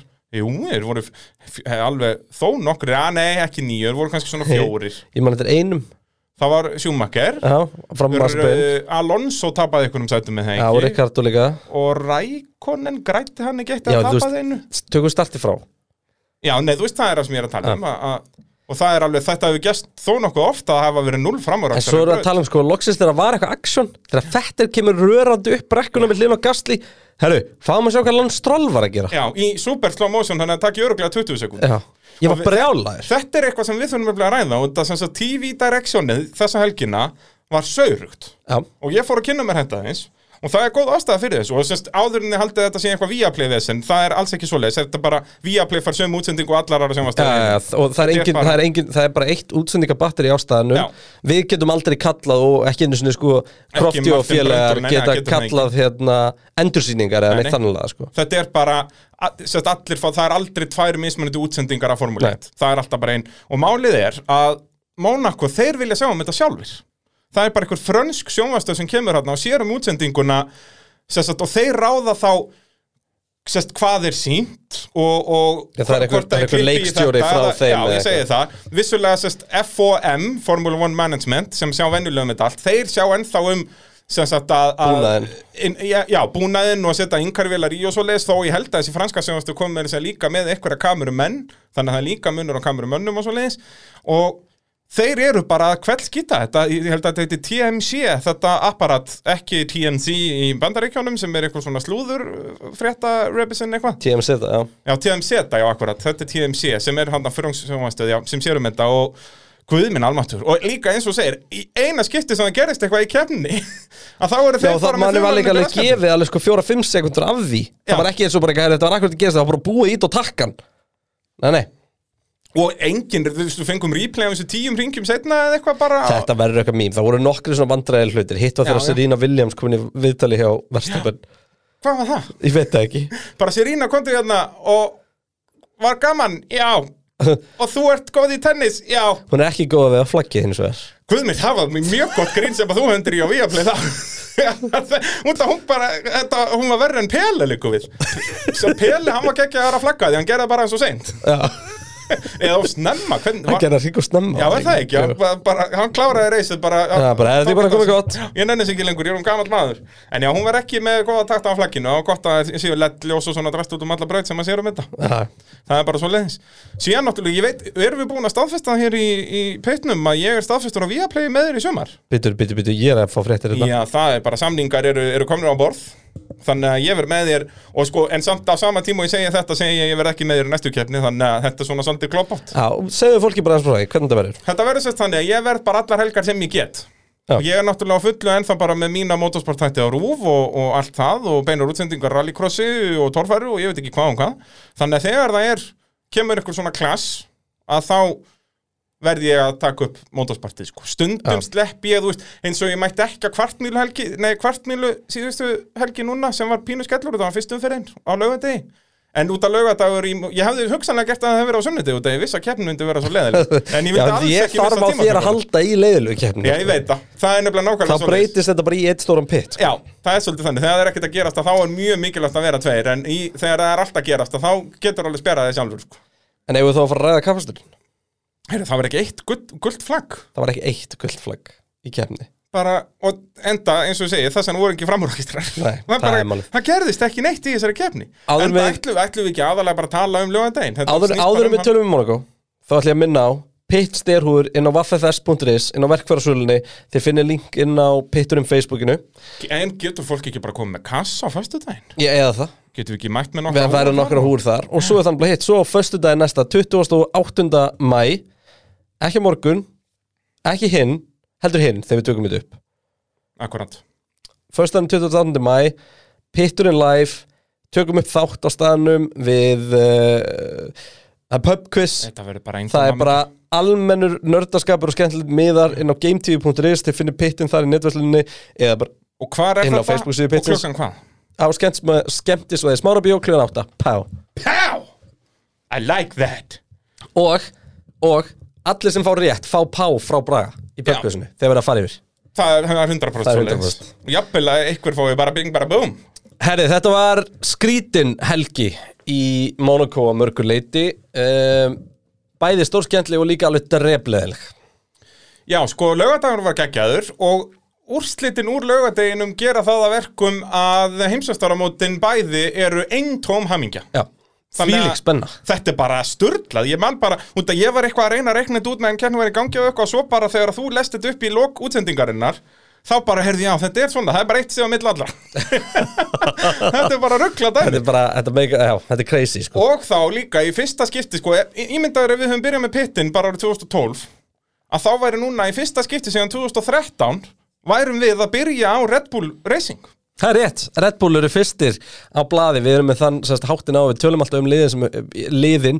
í þeirri stöðu sem að liðin eru í stigakeppni bílasmiða Akkurat og eh, sko áðurinn í talum Red Bull í keppninni, þá ætlum við að ræða eins þetta, þetta hita mál, við ætlum bara að klára það Flexi Wings Já, um, fyrir þá sem að hafa heyrt eitthvað af þetta- af þessu og kannski skilja ekki þá snýst þetta semst um það að uh, vangirnir átt að vera að sveigjast of mikið á Red Bull bílum og líkilorið þarna er of mikið Já. Þetta allir vangir á formúleikbílum alveg sem vangir á flugvélum þeir eru á byllandi hreyfingu Já Bara allir og sem bara hafa alla setið á- tímana, þeir svigna og þeir eru þannlega og málega það að það eru allir að svindla hérna Já, Það er nei, ein- nei, nei, jú, það jú. stendur í reglum að þeir mega svegna ákveðið mikið Já, en það eru allir að svindla Já, út af já. því að þetta er ekkert, sko testið er svo einfalt Já, það er bara, hérna, segjum bara ég, ég veit ekki nákvæmlega töluna bak við það Nei, nei. en segjum bara þess, þetta er 100 kílóa þrýstingur á það er bara vangin einhver gæi mættur með tegju bara og er að tegja þetta niður og akkurat, til það er vinstri bara og hægri og akkurat sko. a- x mikinn þrýsting á vangin eitthvað. Jep. fæn, þeir fara miklu hraðar en það þeir fá miklu meiri þrýsting en það þannig að vangurinn er smíðað til að svigna ekkert upp á því og svo bara má hann svigna mikið hægt svo er bara dettur hann fram að einhverju kliffi þarna skilur þannig að hann allt í einu og það sem liðin græða á þessu, þetta er magna ef maður myndi horfa bara akkurat á hliðarmynda Formule 1 bíl, þegar hann er á beinum kabla að þá er, sérst maður mjög greinilega hvernig afturvængurinn byrjar að hallast. halla aftur á bak á ákveðnum hraða og, og verður þetta er þarlendi flatari og þarlendi minni mótstað akkurat og þá er þetta bara eins og auka DRS basically Að þú- framvængurinn hjá Mercedes flexa mest mest af öllum og afturvængurinn hjá Red Bull já, akkurat og þetta, er bara, þetta er bara snild í því að vefja carbon fiber plötur já, já, í raun og bara, veru. þetta er bara efnafræði basically þetta er bara efnafræði Það er bara- efnaðalisfræði og hérna og sem sagt þannig að núna er, er FIA að taka einhverju svona zero tolerance reglu fyrir þessu og um, þetta er bara Þetta er bara mjög algengt og ég meina bara Flexi Wings hafa verið bara samtali í formúlinni í mörg, mörg, mörg, mörg ár alveg bara frá því að Charlie Whiting byrjaði á standónu öllum framvængjum til að sjá hvernig beigðust og Jep. mikið Já, Og- þetta ég man eftir, ég held að það verið Ástralía 2009, fyrsti kappaksturinn og þá vor bæði held ég Williams og Toyota þurftu bara að fara að smíða nýja vangi ef þeir ætlaði að fá að vera með, sko. Ja. Bara, þú veist, þetta hefur endalaust í formúlu og Ja. er ekkert að fara að hætta. Og uh, þetta er allavega umræðan núna um, Það er ekkit eitthvað að fara að gerast held ég sko afturvirtina Þú veist, Red Bull er ekki að fara að lendi að fá eitthvað sekt aftur á baka Nei, nei, nei, en þeir, þeir verða að breyta þessu. Þeir, þeir verða að koma með nýjan afturvæng, Já. fá þeir ekki eitthvað tvær, þrjár keppnir í það, við minnið það. Nei, það eru, þú veist, eh, ég veit ekki, kannski að vangurinn er bara löglegur En þetta er allavega Það er ekki búið að börsta þá Nei, en það Skilurðu? er verið að aðeins að... Já, og fyrir er eitthvað að tala um að þeir ætla að fara að nota sko myndavélagögn og eitthvað En hvernig ætlar að mæla það? Það er bara... Það er þeirra vesend. Það er, bara, það er bara 100% þeirra vesen og það er bara virkilega mikið vesen fyrir það Akkurat. Þannig að, eh, já, þetta góða hólk hjá Fía með ímislegt í byggjarið en ef það er einhver maður sem veit hvernig á að svindla þá er það Rosbrón og hann veit hvað liðin er að gera Jep, þess vegna er mjög gott að hafa Rosbrón Jep. yep. sest fyrir það sem ekki vita þá var hann yfir eh, Ferrari og, og ja, Benetton fyrir það, hann fylgdi bara okkar manni sjúmakar svolítið Og Braun. og svo keft hann Honda og, og og, og náttúrulega Já, og gerði Mercedes að því sem það er Já, að mörgu leiti, já, ætlum ekki að taka allt af þeim sem eru það núna, en, en hann, er, hann er einn á hotsteinunum á Mercedes akkurat, vann van fyrsta titilin þeirra þó að þeir hétt ekki Mercedes þá en hétt Mercedes árið eftir Emmitt Uh, og Rosbrón hann er sérst núna vinnur fyrir FIA í öllu þessu dæmi þannig að hann er bara basically komin hinn um einu við borðið þetta er bara eins og ef aðtunumar í fótbolta myndi gerast dómar í fótbolta Já, sem að gerist, það gerist þetta aldrei í í fótbolta raun og veru uh, en hérna Verstappen verðum við ekki bara að byrja að tala um bara, hann átti bara sem helgi Já, hann hafði verið á ráspól ef að, þú veist, hann var tímatöku, fyrsta tímatöku sem hjá honum hann á þessum hraða sérst þegar Klerk Krassar var bara störlaður það var stöðlað Eða að heyra í honum eftir krassið hjáleiklar hvernig væri það? Það hendur sér í gang fuck's sake! For fuck's sake, man! Leclerc's in the wall at 16. Fuck, man! Oh, this would have been the fucking lap. You fucking shit! Já, hann er ekkert sérstaklega kátur Nei, það er eitthvað minna Ég, Eitthvað. bara, eh, ég ætla bara að byggast vel afsökunar á þessu orðbræði í táningnum þannig Ég þú veist, það voru fleiri, sko Já, sænt svo að brjálaði Sainz líka að brjálaði líka og og þá, kannski segjum bara frá því eftir en, en uh, hann allavega, þú veist, og verðstafinn máttalega pyrra, hann var að, já. að rústa hringlum hans Hann- Leclerc og og hann- Leclerc var ekki að bæta sig Nei, nei, hann en hafði verið Sainz að- var líka að gera það Já, algjörlega þannig að, uh, já, þú veist, þetta bara Ég skýtur geður, en ég minna þurfum við kannski bara að byrja að ræða tímundökunum sem eitt Nei, nei, við bara gerum þetta eins Ok, og gerum þetta eins og venjulega, gerum þetta nema- venjulega. En þú veist, við tölum náttúrulega bara eiginlega um tímatökundur og það breytist ekkert þar á milli nema hjá Fettel já, svo má alltaf að ræða þannig líka en uh, sko, þetta var bara masterclass keppni hjá verðstafinn Já. hann, hafði einn- hann, hann þurfti að gera þrjá hluti í keppni hann þurfti að, fyrst að Leclerc dettur út þá þurfti hann að bara fara á stað og, og Red Bull auðvitað búið undirbúin undir það að vera fyrstur út úr fyrstu beigðu þú veist, það var, þeir voru, það var keppnisarállin í gangi Já, já, hann þurfti að verjast Bottas inn í fyrstu beigðu hann koma gerði það, Mhm. fyrstur út á fyrstu begu hann kom fyrstur út úr fyrstu beigðu hann let ekki pressa sig á fyrstu ringjónum hann kom svo út úr DRS-inu þannig að hann var ekki með einhvern andandunni hálsmála á sér Þó að það skipti ekki nokkur einasta máli hvað sem er svo hjælt hann sér frá veggjónum, skemmt ekki bílunum mikið, eða skemmt ekki dekkjónum mikið og passaði upp á bensin eða hann væri bara á pari Já, eina og- sem Max Verstappen þetta að gera, halda aðtikli Já, og- í 78 ringi Og fara örlítið hraðar að þess að nokkur hringi í kringu pitstop Já, hann þurfti samt ekki einu sinni að Nei, gera þú veist, það hann var komið með 7 sekundur eða eitthvað þannig að Bottas það náttúrulega dettur út og basically skiptir undan engu sko. máli. þannig að- að að eins og ég segi, hann bara gerði allt rétt þvílíku mestaklass frá unga hollendingnum geggjað að sjá alla í appisínungul í snekkjónum hann, það var snill Ég vil verið gaman að sjá hérna, sjá formúluna á Sandvort núna bara út af þessu minningamæður, ha, út að það er alveg titilslagur, þeir eru eftir að missa vitið Já, ég meina, ef einhver mæti þær í Mercedes-skala, hann er bara lamin já, já, Þessi honum er hollendingar bara eru hent út bullur í sko. sjóða sko. og hollensku fótboltabildnar hafa ekkert að gera núna fótbolt Ég er bara nákvæmlega. droppandi í vinsaldum í Hollandi og formúlunum vinsaldast íþjórtin já, Þannig að- 100%, er það ekki svo leið? það er svoleiðis þannig að hérna þannig að það er bara, þú veist, hefur að berja einhvern Já, það, og það er bara ef ykkur kemur í svartu það, það er bara út með þig. Já. Sjórin er hann að hliðna á, þetta er eiginlega bara við ströndir, geta hoppa bara skellt hann út í sjó. að, Ah, ég kom að það sandvort, þetta er- þetta er skemmtlum staðar Já, þetta Ég hef er bara ekki- hef ekki keyrt hana samt. er ekki svona bara eðimerkur fílingur eiginlega svona í þessu, að mikið á svona einhverjum sandi og... jú, eitthvað en þú veist það er hverki eðimerku fílingur Nei. í Hollandi sko þetta er Nei, svo ekki sem á, ekki. ég fórum hérna ég og afi fórum á sandvort að horfa á einhverja keppnæktjúman og síðan á Valkensvart hérna rallycrossbrytna Já, fór að Europamestara keppni rallycrossi þar það hip cool. var mjög cool En já, það- sandvort verður jóla, jóla FM. já, bara ég er mjög spenntið fyrir henni ég held líka, þó þú sér að vera ömuleg kapparsbreyt þá held ég að vera góð kapparsbreyt Já, ég er búin að gefa það út að vera Já, ömulega.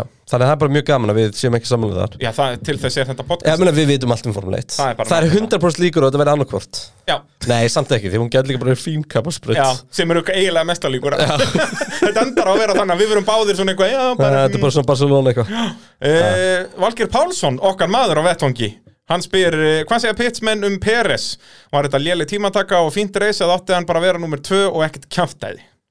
uh, Ekkert kjaftaði Já, var þetta Ég, ekki nefnilega- lélegt hjá manstu, ég Peres? sagði þetta við eftir kérna Já. Við vorum með eitthvað að klára keppna ah, Peris næra að vinna henni upp í fjórasætið og skila góðum stegum fyrir Red Bull og eitthvað Svo hugsaði ég bara Hamilton átti að vera undanunum, Já, þú veist Var undanunum En Bottas átti að hérna, vera á Bottas bara undanum. gerir velja En Peris gerir velja frá framhónum En ég er bara að tala um svona í venlu reisi Það Mm. sem Mercedes er ekki að skýta Þá er hann sjötti þarna þá er hann sjötti Já, sjöndi, því að Leclerc hefði líka verið hraðari sko. Já, þú veist, eins og ég segi, hættum að tala um þess að helvítis keppna á sunnudeginum Þetta er, Mónako snýst bara um lögandaginn og hann var níundi Já, Þú veist, og hvað er það á bílum sem að var hraðastur hana? nákvæmlega, nei, já, sem hefði verið hraðastur Það er bara fucking lélegt Já, mjög Þannig að Sergio Pérez er bara ekki nóg góð til að kera fyrir Red Bull Komið ljós Já, er það ekki bara? Já, þeir þurftu greinilega Það þarf greinilega aukumann af hæsta mögulega kaliberi í car control til að kera þessa bíla Og þar geti nefndir nokkra gæja Eitt er heitir Lewis Hamilton mm. Annar heitir Max Verstappen Hinn heitir Charles Leclerc Kanski Norris Við erum ekki ennþá alveg búin að koma að staði Já. en hugsanlega, já Red Bull hefði þurft að segja Ricciardo aftur Hann getur kert svona bíl Það er svoleiðis Kviku framöndi Já, Ricciardo hefur verið tekið eira til að vera búin að vera í fyrsta öðru sæti í þessum kemnum og með mann á líka palli ímynda er eftir bara núna þegar maður sér hvernig komið er fyrir Rikki Ardó Já, sem að við Hvað erum eftir þetta að var ræða svona- já. helling tökum, en- þá- tökum það eftir En það er allavega Sergio Pérez, þessi bíl hendur honum ekki í fyrsta lagi En ég meina, vorum við samt ekki að tala um það fyrir tímbil hvað var frábært að keira hann á bíl? Jú, en hann getur ekki hann líki Hefði þetta þá ekki verið fullkomið fyrir Albon? Nei, En ég meina, já, ég Gasti veit það getur kert hann á bíl Gastli, já, sammála En það er bara búið að brenna einhverja brúr þar, brýr þar En Pérez er bara ekki nóg góður Já, en er það ekki líka, við þurfum náttúrulega líka svolítið að horfa á hinna hliðina á þessum tenning Hvað verðstappen er sturlu Mér er geggjæður bara alveg sama, það er fimm kefni búnar Algjörlega. Verstafel er með Perez er- 105 stig af hvað, 149 stigum Red Bull Já, hann er með 44 stíu Peres, sko sem er bara eins og þú segir, það er ekki nóg Nei. Bara og, Hvað er Bottas með? 47, hann er núna sem sagt, Peres er Getur að þetta nálgast hengið, já, hann en minna Bottas átt að ná í í 18 annarsæti, átjóðasti núna og, og, og bara það hefði leikandi kostað kosta líka 2 stíu á Peres, sko þannig að það væri þarna núna alveg góð 23 stíu á milli þeirra, sko En ég er bara Eins að og segja, var þú fyrir veist, keppni. Peres er bara ekki að standa sér nægilega vel Alls, alls ekki, ég er alveg sammála Það er alveg komin tíma á að hengja hann hér í Nóa Sirius stúdíón Og sko, ég hefði fyrirgefið þess að slöppu Monaco kefni ef hann hefði bara drullast til að gera eitthvað í basic Barcelona og Portugal Já, já. kefnum, sko Gert svona það sem að væri Já þú veist, þar gerði hann alveg svona það sem hann þurft að gera Er að enda það? bara fjórði Já, en við, við, hva- af hverju tapaði Max Verstappen í, í, uh, á Spáni? já, já, Svo er það náttúrulega Hvað hefði getað breytt því? En ég meina, meðan að Verstappen og eins og Verstappen sagði eftir spánakapaksturinn að Red Bullin var bara hægari og Verstappen var hægari en Hamilton að þá finnst mér það réttlætanlegt að, að, að Peres sé í fjórðasæti ef að það er braut þar sem Red Bullin er auðvitað hraðar en Mercedes að þá verður Peres að verið þriðja það er bara hans Já, hann minimum verður alltaf að requirement. vinna allavega hinn Ég, seg, Bersin. ég segi það Já, e- ef hann er í tækifæri til þess Mhm. Þetta er bara hann á að vera í fjórða og þriðja og það er, þú veist, barely making par, skilur Já. það er alveg bara svona að leggsta sem þú verður að gera alls ekki neitt lélir en það, þú veist ástæði fyrir að kaupa Hann á aldrei að lenda undir fjórumsæti Nei, ég segi það, ástæði fyrir að kaupa Peres er til út að þeir heldu, alveg eins og ég allan að held í lok síðastimbils að hann gæti alltaf verið með þetta beislan, vera hann að fjóriði en svo kæmi keppnir sem gæti bara verið að vinna eins og hann gerir með Racing Point, skilur Einmitt. en hann er að gera öfugt hann er bara að gera hann er þó betur en Albon en skilur hann er að gera það svipað hann er hann nær alveg solid keppnum stundum sem Albon En þessi bíl er miklu auðkjærlega heldur en bílinn í fyrra algjörlega, Og bara bílinn undir lok síðast tímbils var alveg miklu betur heldur en bílinn í byrjun síðast tímbils algjörlega Og ég held að albúm var ennþá í þessu sæti ef að Lewis Hamilton hefði ekki kert á hann í Östuríki já, Eða í bara Brasilíu Ef að Alexander Albon hefði náð sér í velunapall og farið bara bara orðið svolítið graður og peppaður og stoltur af sjálfum sér -hmm. inn í tímabili þannig. inn í tímabilið Það er þetta bara annað gæi ég held það bara út að þetta er Lewis íþrótt, Hamilton sko, skemmir ferla sjálf- það er bara svo leis Fokkaði fyrir Alonso Fokkaði fyrir það var bara út að hann var góður Já, ég veit það það var ekki út að hann klesti Ég bara veit, já, ég, já, ég bara segi svona, þetta er líka bara joke þú veist, Já, já. Bara, ímyndaði hvað Alonso væri núna ef að, hann hefði, ekki- ef að þessi helvitis GP2-meistar hefði ekki komið í liðið þarna árið 2007 hann hefur verið easy meistari það árið Já, og árið eftir Já. síðan náttúrulega te- hefur hann tekið dippið bara eins og maklarinn gerði en þú veist, hann hefði pottet verið mestar á þessum bíl 10, 11, 12 Já, alveg 100% miðan við hvað hann var að gera á þessum handónýta ferrari sko. hann hefði ekki verið mestar 11 reyndar en hann hefði pottet 10 og 12 þú veist, eða horfur á 2012 tímabilið Fettil er sko stigalaus eftir þrjárkjarnir eða eitthvað, eða bara með örfástig Já. Þú veist, og, og, og McLaren búin að vinna búin að ná 1-2 í flest öllum þeirra sko. Einmitt. þeir voru með geggjaðan kapastusbíl þar en, en já, það er svona líka skemmtileg pæling Var það þá sem Kovalænir var með honum? eða? Nei, nei, nei, Button, Kovalen já, er Button og 2008 Hamilton. Já, Button og Button og Hamilton Það er Kovalen er þegar að, sem sagt, Alonso fer, skilur, þá er Hamilton Kemur og Kovalen inn, já, One, alveg one hit wonder, en eins og Sjóna Leysi, hann er unnið eina Formule 1 En var það ekki fyrsta kemnis líka? Nei, nei, hann var Ungverjaland Hann var á palli í fyrstu kemni Það getur verið Já, hann endaði á Alveg svo bara palli í- Kevin Magnussen á, á Nei, ég er að ónýtum ruggla McLaren. þeim saman Ég Já, er ég að hugsa um rugla. Kevin Magnússon á McLaren í fyrstu Já, já. kemni í Östurík Nei, í Og Ásturík það var lélugur McLaren, Já, skilur hann Það var- er 2008 og maður McLaren bara, var það wow, meistari hver er þessi þarna. gæi? Nákvæmlega, og svo bara En ástæðan fyrir maður var, wow, hver er þessi gæði? Það er gæðin sem gerði undorunum heiti Lewis Hamilton Já, og pappans var líka legend og svona skilur Já. Nei, Ekki legend, hann var formulegt okkur maður Siggi En- Jóns spyr En Af ég- hverju tóku Red Bull ekki Peres inn og settu hann á mjúk dekk til að reyna að hraðast að hring Ég get ekki svarað því ég tók ekki svona eftir þessu kemni Jú, jú, þetta var bara út að það, hann er að skilur er sekund á Já, hann eftir var að sækja á Norris, það var sjens þar Já, Já, en já, þú já, veist, alveg síðustu fimm ringi var hann hættur því en sa- Norris getur alltaf gert ykkur pínu mistök þú tekur því já sem Nei, samanlega þannig að það er bara basically það uh, Ég allavega spáði ekki í þessu kemni, með voru að horfa á hana Nei, en það var En- sérst út af fett eða bara annað fyrir aftan, skilur, Já. hann var 30 sekundir fyrir aftan en, En þetta þýðir allavega að Red Bull eru komnir einu stíi upp fyrir Mercedes í stígakeppni bílasmiða og Max Verstappen kom í fjóru stígum upp fyrir Lewis Hamilton í stígakeppni ég ögumann. elska þetta tímabil svo mikið, Kristján Ég bara að eftir fimm keppnis í þetta staðan, þú Bara í veist, fyrsta skipti síðan það þýðir eftir 2018 tíu sem Hérna- við keppni fáum verið slag. hálft stíg á milli þeirra. Já, og þeir búnir að klessa á hvern annan Við skulum, uh, Þeir verða að fara að klasa hvernig það. við, já, nú skulum við bara rifja upp Síðast þegar það var slagur um fyrsta sætið var 2018 og, þá var það Sauð bak allt uppur í bakku. Já, þá var það bakku sem allt fór, þegar skíturinn fór svo sannlega í viftuna Já. Manstu hvað uh, kostaði Hamilton sigur í þeirri kefni? Nei, Hetturesti losnaði alveg rétt, hann Þetta er- varð að stoppa. Hann fekk Oh my svart god, flagg. það var klikkað. og, og þannig varð hann fyrir aftan Fettel þó að Fettel hafi Hefði fengið verið- stoppgó fyrir Já. að bomba aftan eða bomba í hliðina á honum í, fyrir aftan öryggisbíl Ég virti fætla svo fyrir það, sko. þarna byrjaði mynd, eða það- ekki byrjaði þarna þarna fór það upp í 100% tussugangurinn í helvindin og vettel Nei, ég Þetta er vissi það svo ógeð- fyrir þetta. ég er búin að segja þetta miljón sinnum þetta er bara, ef hann hefði verið eftir keppni og verið með röddina sem þú ert með núna bara, já, hann bregtjekkaði mig, ég var pirraður þá hefði ég skilið þetta síðan í talstöðunni við erum með stopp, go hérna ha, fyrir hvað? Ha, njö, ó, Við þurfum ekki að fara þarna aftur, við Nei, ég tókum veit, veldig alveg gott kortir um þetta tímann. já, á einhvern tíman, svona í öðrum hverjum þætti hérna uh, ef það var að fara yfir í Mercedes eða? Já, Sir Lewis Hamilton sjöund í tímatökum Valtteri Bottas þriði í tímatökum Sko, ef við ekki bara byrja á að ræða eins Lewis Hamilton Já, það er það sem við verðum að gera út að það er náttúrulega snýst aðalum lögadaginn og þar bara mætti Hamilton ekki í- til leiks og Já. meira að segja skiluru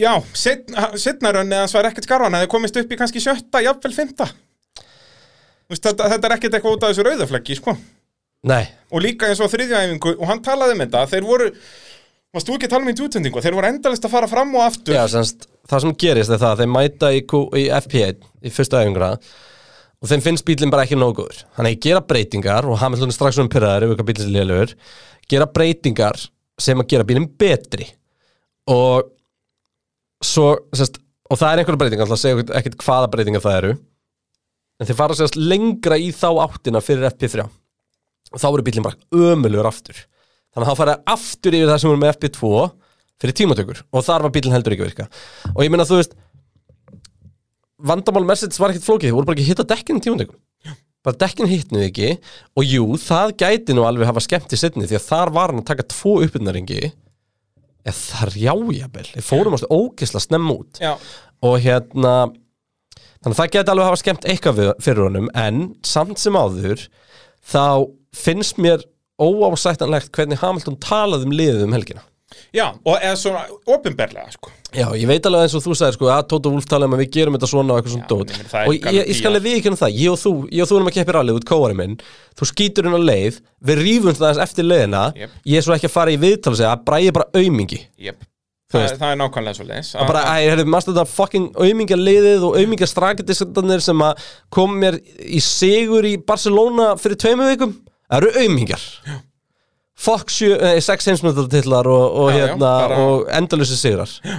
þetta er bara ekki lægi bara. Nei, nei, alls ekki, sko, þó hann hafi kannski ekki orðað þetta nákvæmlega svona, en hann orðaði þetta samt basically svona, bara sagði að þetta ég er með reytjóðu hérna úr keppninni Já, og það er náttúrulega, og ég, sko, ég skil það betur en að, að vera brjálagur út í liðið þar út að það er í hitta leiks og það Já, er eins og, og þetta það- að þú kemur út að sérlega og ert að uh, röra yfir aðstofamæðunni Einmitt. en það sem hann var að gera þarna eftir æfingarnar í við, official viðtölum að segja bara liðun að fokka sér Það var bara ekki nú, það var bara svo það gengur ekki, en eigum við að hlusta þess á hann vera brálaðan Já, ja, þetta hann getum- var vissulega getum gert brálaðan They have traffic on pit exit.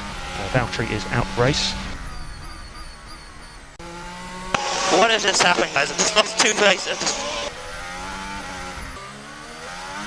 Yeah, copy Lewis. Just reviewing it now. Oh, I don't understand, guys. Save the tyres to go longer. You'll be stopped before everyone. And Lewis were under threat of losing position to Perez as well. Sorry about that.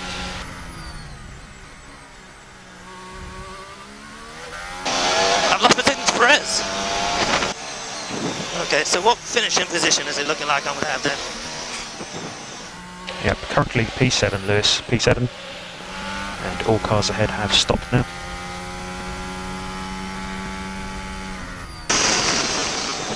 So Perez is up ahead. AFM currently Perez P4.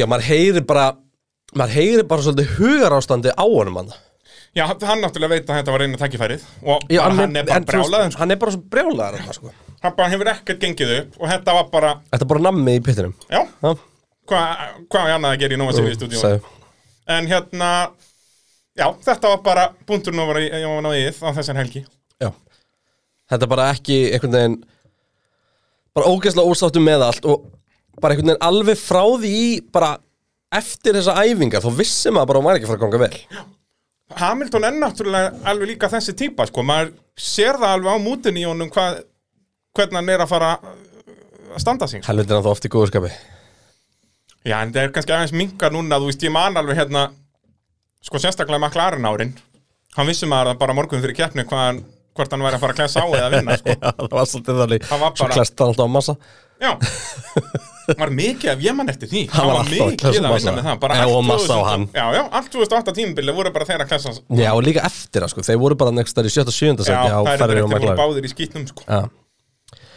En, verðum uh, ekki að tala um Bottas, jú, þetta var í fyrst skipti sem Hamilton er ekki hvað á fremstu röð síðan uh, bara Hockenheim 2018, nei, á þessu tímabili.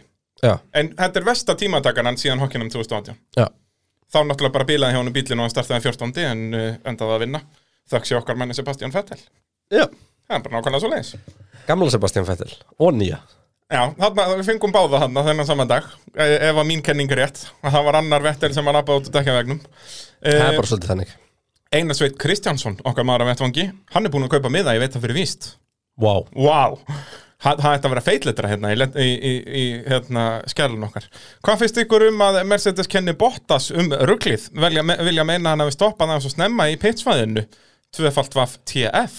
Ég skilja þessi að kennum um það að einhverju liti Það eigum við þá aðeins að bakka, sérst Bottas dettur hann út út að náta ekki nú ekki af og Já. Tóto var í einhverju viðtali núna og þetta er ekki, ég Hann er vil nú ekki, meina eitthvað, að hann er ekki að kenna Bottas umbeint sko. Nei, og- Hann er að og, sko- útskjara hvernig þetta gerist þessi headline eru líka svolítið að reyna að búa það til eins og Tóto síðan segja þetta, það er Já. verið að misorða kvótinan svolítið mikið En sem að ég ætla, fíla ég ætla samt að fá að segja eitt Hefði Tóto einhvern tímann sagt um Lewis Hamilton?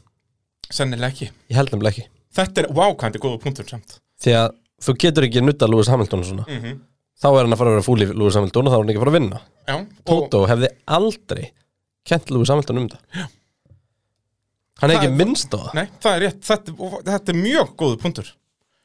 Hvernig þeir verða að halda Hamilton í sínum háa stól þarna Já. að- að að hann er konungurinn, sko. Ég menn hann er konungurinn, hann er Já, já, bara að ég vinna segi það. sjö heimsmynda Hann er alveg búin að vinna, en, en það er rétt að bara, Hann er sör sko hann er söður, hann á að vera í, í Þú- r- já, rauðum þegar er búið- gullituðum þegar er búið að skónum, aðlaða stól. þig þá aðlað þig þá er ekki að fara að segja þér að þú hefði lagt bílnum vittlust sko. Nei, en málið er að Tóto var að segja þetta í viðtölum út af því hann fer örlítið og langt í pitboxinu það var og alveg þá- stutt var það ekki Já, það er stutt, sem sagt að þá þurfa þér aðeins að djösta sig og þetta gerist mjög oft í pitstoppum, að Já. aukumenn stoppa ekki alveg á réttum stað, en auðvitað, þetta er leiðis íþrótt, það er líka verk aukumenn sem stoppa á réttum stað og hann á, á, hann á hröðu pitstoppi, Já. en, en þá sem sagt gerir, og þetta er náttúrulega allan tíman gæin á byssunni sem gerir mistökin út, hann setur byssuna skakt upp á og rauninni bara rústar gengjunum á boltanum. Já, það er bara er- nákvæmlega það sem gerist Já. það er bara nákvæmlega sama og allir sem er að hlusta á þetta podcast hafa lendi í þegar þeir eru ekki með alveg nógu góðan bita í stjörnuskrúuna eða, eða, hérna, eða torkskrúuna Já. og slípa aðeins skrúgangin til Já, það er nákvæmlega þetta þegar bara, þarna bara var á, náttúrulega, veist, hvað ætla þess að byssu snúist hratt eiginlega það er Það eitthvað er ekki helvítis- aðalega hraðina, það er torkið í þeim sko, sem Já. eru bara einhverjir, þú veist, 10.000 newtonmetrar á, ég man ekki hver mælingin er það foot, foot pound per square inch eða hvað Já, þetta kallaði og allavega, og bara tekur bara og, og, og hendi bara hendi bara Ronni í Rennibekk hún verður sko, bara stjætt Ef að þú værir að prófa svona byssu í fyrsta skiptið og það væri ekki búið að kenna þér á hvernig þú myndir halda á henni þá myndir þú leikandi fara á axlaliðið eða eitthvað skilur Já. þetta, hún myndir rústa þér sko. Já. að þú þarft alveg að vera undirbúin ég mann þegar þeir fóru, ég held að Sky Sports hafi eitthvað tímann gert svona, senda alla sína þú veist, Martin Bröndul og, og Johnny Herbert og þess að kalla alla í að vera pit crew Já. og þeir voru allir bara ég ræð ekkert við þetta skilur.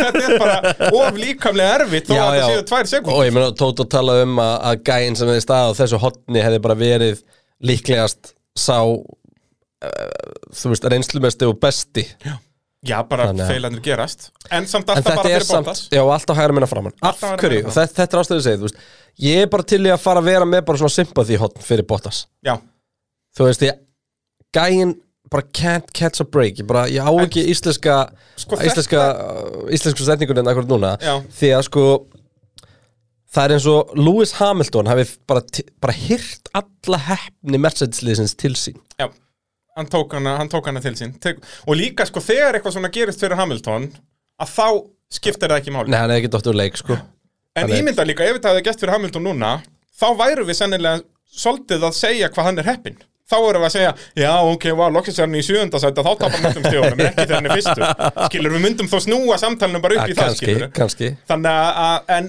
vissulega þetta er, þetta gerist mikið, mikið oftar fyrir Bottas og ég meina það gæti alveg verið að það sé líka bara liðið, þó, bara í undirmeðvindundinni veit að Bottas er að koma, ok, við þurfum ekki að reyna alveg að mikið, þó er að sjálfsögðu hugsið það Mm, ekki, ég held ekki, en já, já. en ég meina eitthvað í undirmeðvindundinni að, að það er minni pressa eða eitthvað, ég veit það ekki Já. þú veist, það er Kannski. eitthvað, ég persónulega er trúleysingi, sko, ég trú ekki að það sé bara eitthvað svaka hútu í gangi þarna, sko nei en þú veist, maður veit ekki hvað Hamilton er að stunda Já, það Það er mjög góða punktur Hvað, hérna, allar bænirnar hans maður Nei, en þú veist, þetta, er, þetta, var, þetta var grátlegt og ég fann Timmy Bottas og þetta náttúrulega tók allan sjensin á einhver slagur í þessari keppni frá okkur en það var, það var ekki verið að breyta með neinu, nei. slagur Ég minna það var styrla slagur 2019 En, það var En samt ekki- Bottas vildi meina að hann ætti séns á ráspól hann í, Já, já, Í einn rauða ein, flagginu. ein af þeim, já Þó hann hafi en sest, mögulega hefði hann bara mist Carlos Sainz fram á sig líka þá Og rest af þriðji sem að Já, eða fjóruði þá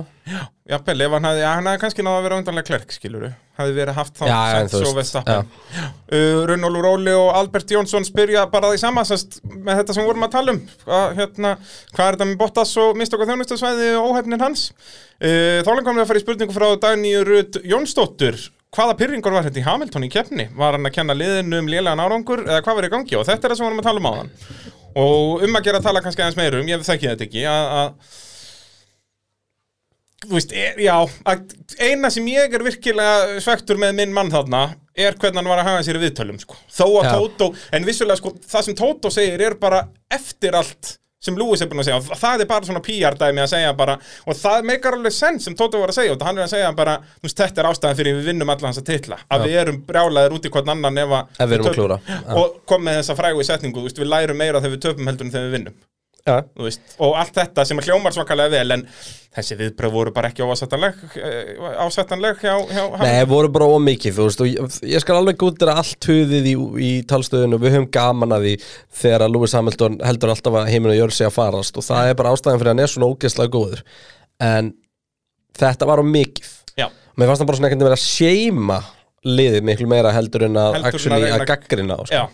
já, akkurat, þetta var ekki gaggríni heldur meira svona bara, þeir eru fíbl já, svolítið sko Andri Snær Sepits uh, spyr bara hvað var í gangi á Hamilton sem sem bara hraðalega séð og það, er það bara þetta uppsetningarmál þarna eða er Ég er bara svo var hann bara bensin fastur í Monaco En það er reyndar annað við erum að tala um lög, þetta er ekki hægt Já, að tala já, um þennan þetta er helvítis lögðan sunnudag. Það fengi ekki dekkinlega virkið Monaco þannig að þetta er bara bílinn basically Já, bara hentar ekki í Monaco Hentar ekki í Hann Monaco, Bara hentar já. alls annars það Já, ég er mjög sammála því, það er Og bara nákvæmlega sko, og þetta er ástæðan fyrir því að Hamilton kemur svona snemma inn Þú veist, Já. Hamilton er brjálega strækitirinn En dekkin hans átti bara ekki raskat eftir þannig. Nei, nei, Hann var og þó bara búin að kannski- Mhm. greina þau í þetta rast og saman með Bottas ég meina hvað var verstafinn komið með gott bil þegar Bottas laus kemur inn Eh, Rúmar fimm minni mig Já.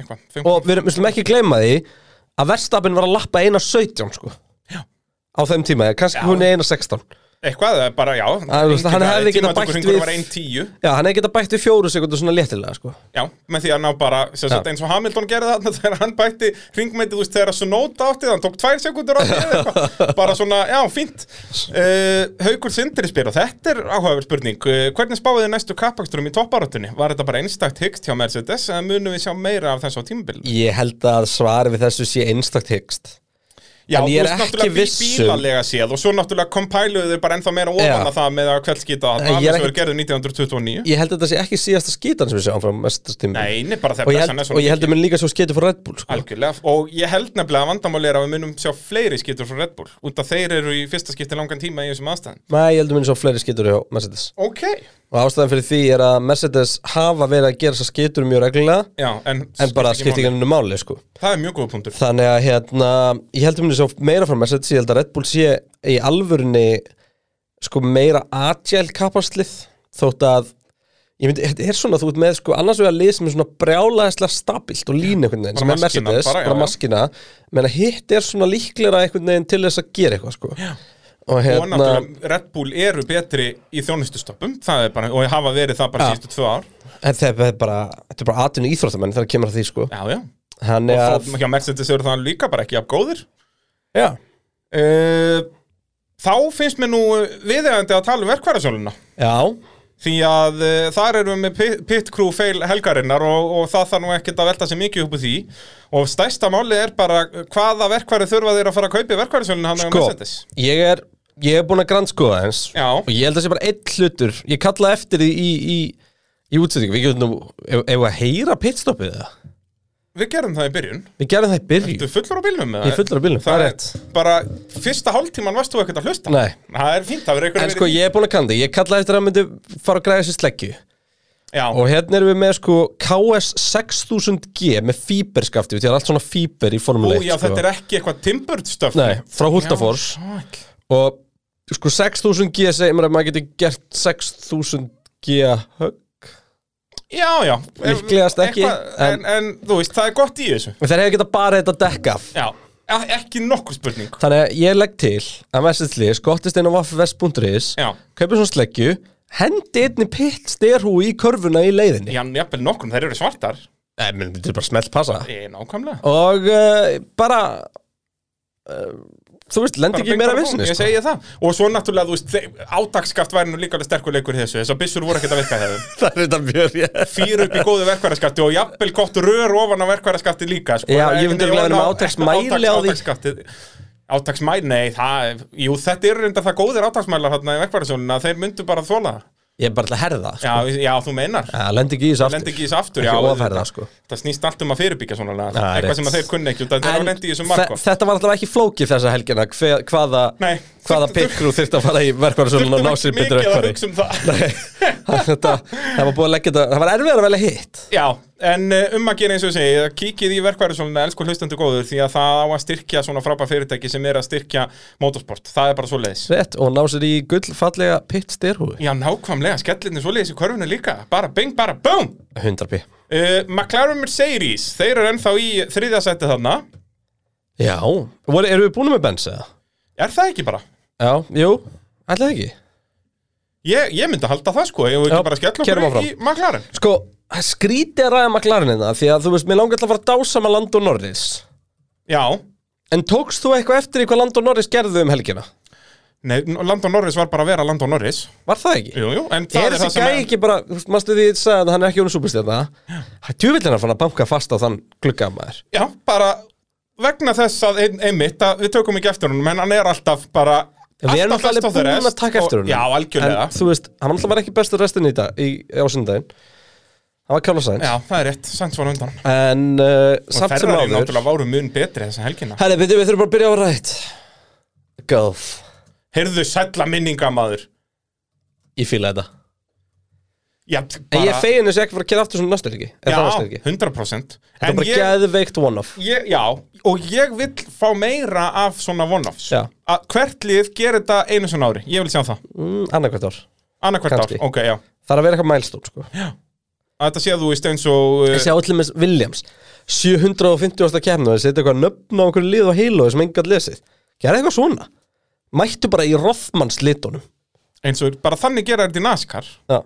Það er bara, það er En dásamlegt. vandamál er bara að all frægu gömlu livri en teka síkartum eða, eða brennivinni og það er ekki vinsælt Heyrðu, já ok, en í NASCAR að þá mætti eitt sko sem er bara venjulega Þú með þarf að fyndi, hún var með viljaspilin gamla í lúkinu, nefnir í staði fyrir Rothmans, það var bara Lavazza Já, eða bara eins og þeir gerðu þegar það mátti gjöflisa, það stóð bara racing Nei, Kimi, Já, eða Kimi, eða þú veist eða Mika eitthvað- Alls konar Það var svona þetta geggjað En hérna e, Já, í NASCAR að þá var eitt gæði sem er bara venjulega sponsora af ykkur Vafti 40 eða ykkur svona olíu síðan var svona throwback race og þá komið gamalt lifir í ekki eitthvað sko sem pappans var með eða eitthvað heldur bara Alan Kulwicki hérna 92 meistarinn og þá var bara Hooters á bílum þannig ef að síkaretu fyrirtækir og slett þá bara já já, skellum okkur að Hooters En uh, sko einu sinni enn mæta maklarinn og gera ekkert á æfingum það bara sé ekki með í æfingum og veistu það, þeir eru bara að gera eitthvað ógeðslega sniðut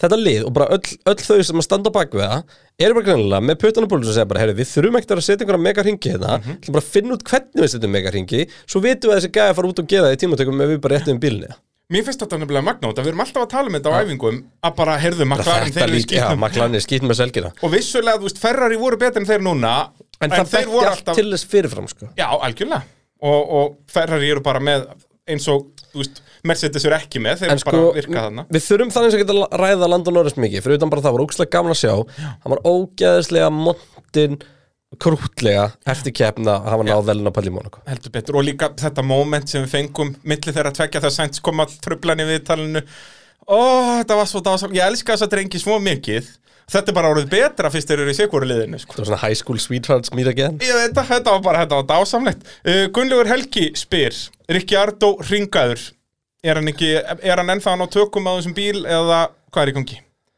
þetta er næstu líka Kristinn Örn, Ricciardo Er þetta liðahopp að fara svona illa með hann eða er hann bara búinn? nei, Daniel Ricardo er ekki búinn Nei, ég, á, ég, sam- ég samála Daniel Ricardo, það er eitthvað að í akstustíl hans sem að virka bara ekki við, með þessum bíl þetta er akstílinn sem að Red Bullin dregur fram það besta í Mm. það sem að Daniel Ricardo tapar á Landon Norris er það sem að Daniel Ricardo hefur alltaf gert best það er bremsun og törnin Já. En núna er vandamálið út að þegar hann var hjá Runo þá gáttu þeir bara búið, sérst setna ára hans á Runo þá bygguðu þeir bara til fyrir Ricciardo akkurat sem að henda honum Ekki fara að geggjavel og gerast ok núna. okkon var í skýtnum Ricciardo að ná nokkrum veljónapöllum Hvað ætlar hann að gera núna? Þeir eru ekki að fara að henda Norris út úr en það rútuna. er hann ekki að byggja um að bílnum er breytt fyrir sig hann ætla bara að reyna að finna út úr því hvernig hann á að gera þetta Já. En ég meina þetta er ég skal viðurkenna að ég er mj- allt og mjúku við Ricardo sko. Ég lík það elska allir Ricciardo já, en, en þú veist, mér finnst Vettel vera búinn Þér finnst það ekki þetta er hann ekki 50 um helgin í Monaco og ólundum Aston Martin Jú Já, akkurat En, En þú hérna- veist, það- ég, ég er bara að segja skilur En mér finnst Ricciardo ekki vera búinn Þó að mér finnst Vettel Þetta var umlegt, en bara málega bara það að það var einhver braut og ég get verið að segja nákvæmlega sem Peris en þannig, ég er algjörlega í tvískilningum við sjálf mig sko Já, já.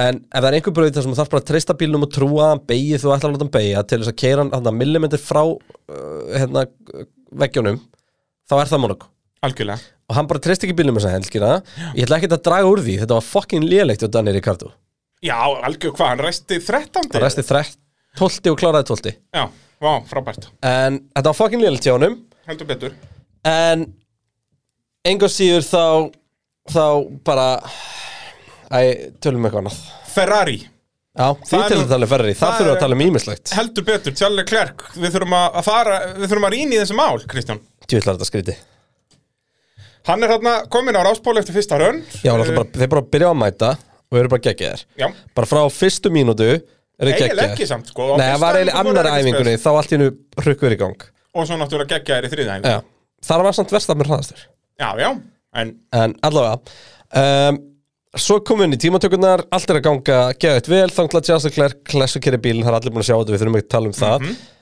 En við þurfum svona að ræða Næstu 23 klukktímana Alright, þeir fá þarna þrjá klukkutíma áður en að bílinn þarf að fara í svo kallar park ferme sem Já. er bara að þú ert að leggja bílum minn í skúr og enginn má koma nálægt honum. Og á þessum þremur tímum þá eru tveir hlutir að gerast Þeir eru A. Laga framöndan Setja nýjan framöndabílinn Og Mhm. og B. Að allar spyrnurnar og kanna vænginn og- alltaf aftan Já.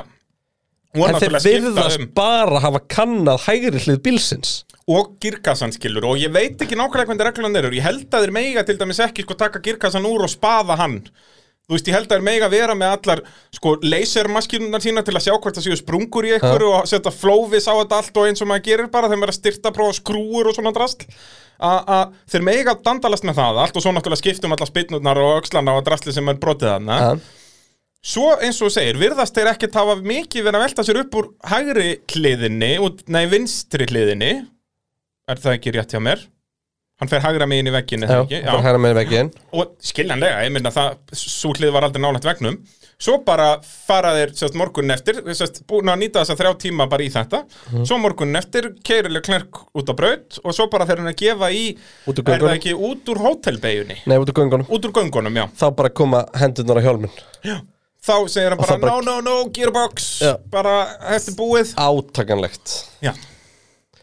heima maðurinn á Þannig að þá er, rásból þá er bombaðin í inn á þjónusæði og þeir reyna að bjarga þessu þannig að hann getur ræst keppnina og þeir hafa ennþá tíma sko og það, það, ég spyr mig akkur ekki að það skipti spytnu á þessum tíma en það konum blana í ljós ég skiptum, nei, þetta er Þetta ekki spilna, var- þetta er bara öxull Nei, það bara var síðan ekki málið nei, að sem sagt, það var, var þetta ekki Þetta var höppin já, höppin sem Er að sé bara brotin. tjónaði öxullin út Já. frá Þannig að það hefði ekki eins og tekið að skipta um högsus menn þýr og ef þetta er höppin þá ættu væntanlega bara að skipta um alla vinstri afturliðin á bílnum sko. nei, höpp, þú veist, er það ekki bara naf þú veist, þetta er ekki spytundar sjálfur þetta er bara allt sem spytundar festast Já. í þetta er rauninni, þú veist, og bremsubúnar og allt, þú veist, Já, þetta en þú þátt að rífa stykki. allt í spaðu ætlar að skipta þér sko. já, já, en ég minna, það er leikandi hægt Já, en þarna höfðu 20 myndir sko. Já, og höfðu ekki tíma og voru náttúrulega líka að bilana greinu þú veist, en, fyrstu hlu, tíu en mínúturnar. pointi er raunur það að, og ég skil það og það, því, við erum með svo ógeðslega erfiða stöðuna bara, bara við tveir erum hérna yfir Ferrari og við stöndum frammi 500 park fyrir mig bara ætlum að brjóta curfew skiptum girkassa og afturenda og vera safe mm, og ræsa 50 eða eigum við að taka sjensin að við getum mögulega unni Monaco Ég er nefnilega að sammála hvað Ferrari gerði Já, ég líka Út að þeir vita að þetta er one shot dæmi Já. Þeir eru, bílinir eru ekki nógu góður en þa- þetta er fríkbraut og þeir eru með fríkbíl og þeir eru, á eru á ráspall. ráspól þá bara við verðum að taka sénsinn ekki bara hvað sem við getum gert við reynum að skoða þetta allt en ekki fá þessa refsingu Já. og þeir gerðu það Ég sem ég, virði tel rétt, já, ég tel þetta rétt ákvörðun og svo bara er þetta óhafni Já, já, og svo þú veist, þeir hafa núna 20 keppnir til að vinna upp þessi steg, skiluru Já, eina sem gæti verið klúður í þessu bræði, er að ef að það þarf að skipta um girkassósni í leiðinni já, þá gerðu þeir ekki fyrir þessa keppni já. sem þýðir þá fimmstættarefsingi næstu keppni Já. Það er klúður sko. það er, það er skellur og líka náttúrulega að Ferrarín er ekki með gott race pace og þetta náttúrulega var gullið tækifæri með- fyrir McLaren núna út að þeir tapa bara þannig einhvern tveimur stegum á, á þreimur stegum segja á Ferrari þegar þeir hefðu getað tapað svona 20 stegum á það Og allt í einu varð sko treyti hjá Ferrari sem er að hann ofittar dekkin frábært Já, út af því að þar svona þurftur hitt í dekkin strax og, og Enda það gerðist hjá sænsan í endan þegar byrja að sækja verstafin Já, já, Bara ofitaði bara dekkin í leið kveikt, sko. kveikt í öllu með það sama sko. En þetta er líka og eins og ég var að tala um í söguhöfninu Hann hefði getað verið fyrsti mónakobúin til að vinna þarna síðan 1931 Já. Sjálfur Klerk, þú veist, þetta er alveg og sjá hann og eins og hann þurft að standa þegar hann var að spila Oj, þjóðsöngur Og hann að endreisisum og allt dóti hann að þetta standa hann að elsku kallinn Vitandi og allir að horfa á hann vita að En þú ég ert ekki held bara að að hafa keppa alveg verið búin að sætt sig við þetta Já, já, og vá hvað hann tók þessu líka vel Já, og Bara- veistu að eftir keppna Svo, í viðtölum, sko, mér langaði að giftast honum ég virði hann fyrir eitt ég hef alltaf virta hvað hann er sjálf gaggrinni, mér finnst stundum bara kjánalega þegar hann mikið endaði í vegnum á Baku I Byrja bara- am stupid Já, I am og byrja stupid að berja sig Nei, var það ekki var, já, já, það var þar, svo gerði þetta aftur hérna Var eftir það ekki Singapúr eða eh, Tyrkland, eitthvað? Já, Tyrkland þegar hann kemur Alveg rétt, fjórði í Þegar mark Fetter Já. komst fram úr, já, alveg rétt en hérna en hann var ekkert að taka á sig sökina hérna og hann sagði bara nei, veistu það er bara eðlilegt að þetta gerist ég er í Monaco, þetta er Q3 ég veit hversu lítinn sjens ég á ég veit hins vegar að hann er til staðar ég verð að taka allt út úr bílnum, þá getur þetta klikkað Akkurat, og það er bara það sem að gerist nákvæmlega svo leiðis Jóhannes Rúnar spyr, eh, er Ferrari búin að bæta sér nót til að halda áfram að keppa um efstu sæti eða bara góðir þessa helgina?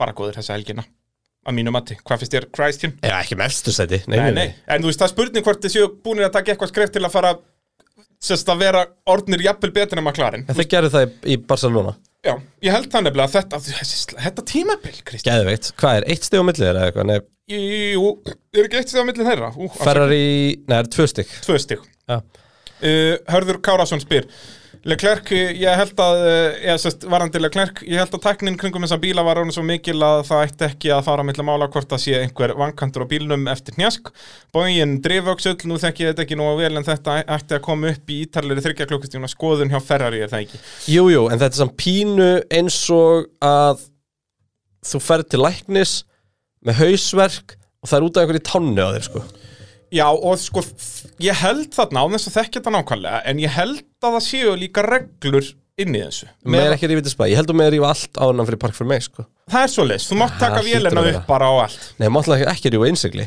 Nei, ég segi það sko og þú veist, máttur eins og með ekki rífa, girkassa já, og- þú máttur rífa girkassa innsigli En með einhverju Með- sönnun, með fía gæja Með bara standa Fía fyrir gæja þér. með þér, sko. Já. En Já. ég man þú veist eins og Alfa Tauri reyndu þetta í fyrstu keppni bara reyn og þá, nei, það var það var í fyrra eitthvað tíman og þá endur þeir að fá refsingu þó að þeir settu sömu hlutin aftur í bílinn bara út að þeir voru búin að ríða eitthvað einsig Var það ekki út af því að þið gátu ekki, út af því að þið fengu ekki gæjan eða eitthvað Það það var eitthvað þannig Þetta það var er eitthvað náttúrulega algjört bara einhverju- klúður, sko. Já, já, þannig að þú veist, það er líka það sem þau þurfa að fara fram hjá En jú, þegar maður horfður þetta eftir á auðvitað, þetta er bara þarna eitt brotið Já, en hjólnað. sko, En en þú veist- málið er það, þeir með ekki treyfa bílinn Nei, nei, þannig að þú veist, þetta er allt annað skilur, þú veist, það er hérna, þú kemur til minn og út í þetta skiptum hjóluleg og við skiptum um hana og við tökum þetta rúnt áður en að þú fer svo Já. bara út í, út í Já, og þú ert búin, Út á þjóðveg, að, þú ert sko. búin að keira bílinn og vita að það er þessi hjólalega sem er bilu, skilur. Já. Þarna er hjólnaf sem er eitthvað pingu lítil sprunga í og þú voru að komast að þessari sprungu bara með því að röngena allan bílinn, basically. Það er að taka öll stykkin úr á þremur röntgen- tímum og á greina þessum þig. þremur tímum þetta endurst mig allan framöndan Já, og, þetta var allt ekki hægra þeim meira megin, aftan þið grunaði ekki þarna, skilur. Ég, sk- þeir pottet röngenuðu allt í spað sem að var, Já. sérst, hinum einn á bílnum.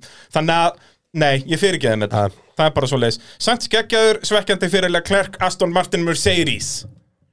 Já, ætlaðu að tala um það Já, hvernig væri að tala um það? Þeir eru komin upp í fymta sæti, þannig að rauðin er bara komin að þeim. Fara úr sjöunda sæti í fymta sæti, fyrsta skipti sem báður aukuminn skora stig, fyrstu stíðinans Fettel og hann er komin upp fyrir stról í stigakefn og hann fekk tíu slumur og einu bretti. Það er rétt Þetta er ekki flókið mál. Strál 13 tímatökum, 8. í keppni Sebastian Vettel 8. tímatökum og 50 í keppni og sko þú, ég segi að þú skrifar hérna inn í, inn í hjá okkur skríti hvernig Aston Martin bílinn virka vel í Mónaco en ekki Mercedes Já, út af maður held að það er verið svipaðir, Já. Eh, svo bara akkurat öfugt. mm, ég er ekkert endalega viss um að það sé alveg svo einfalt sko.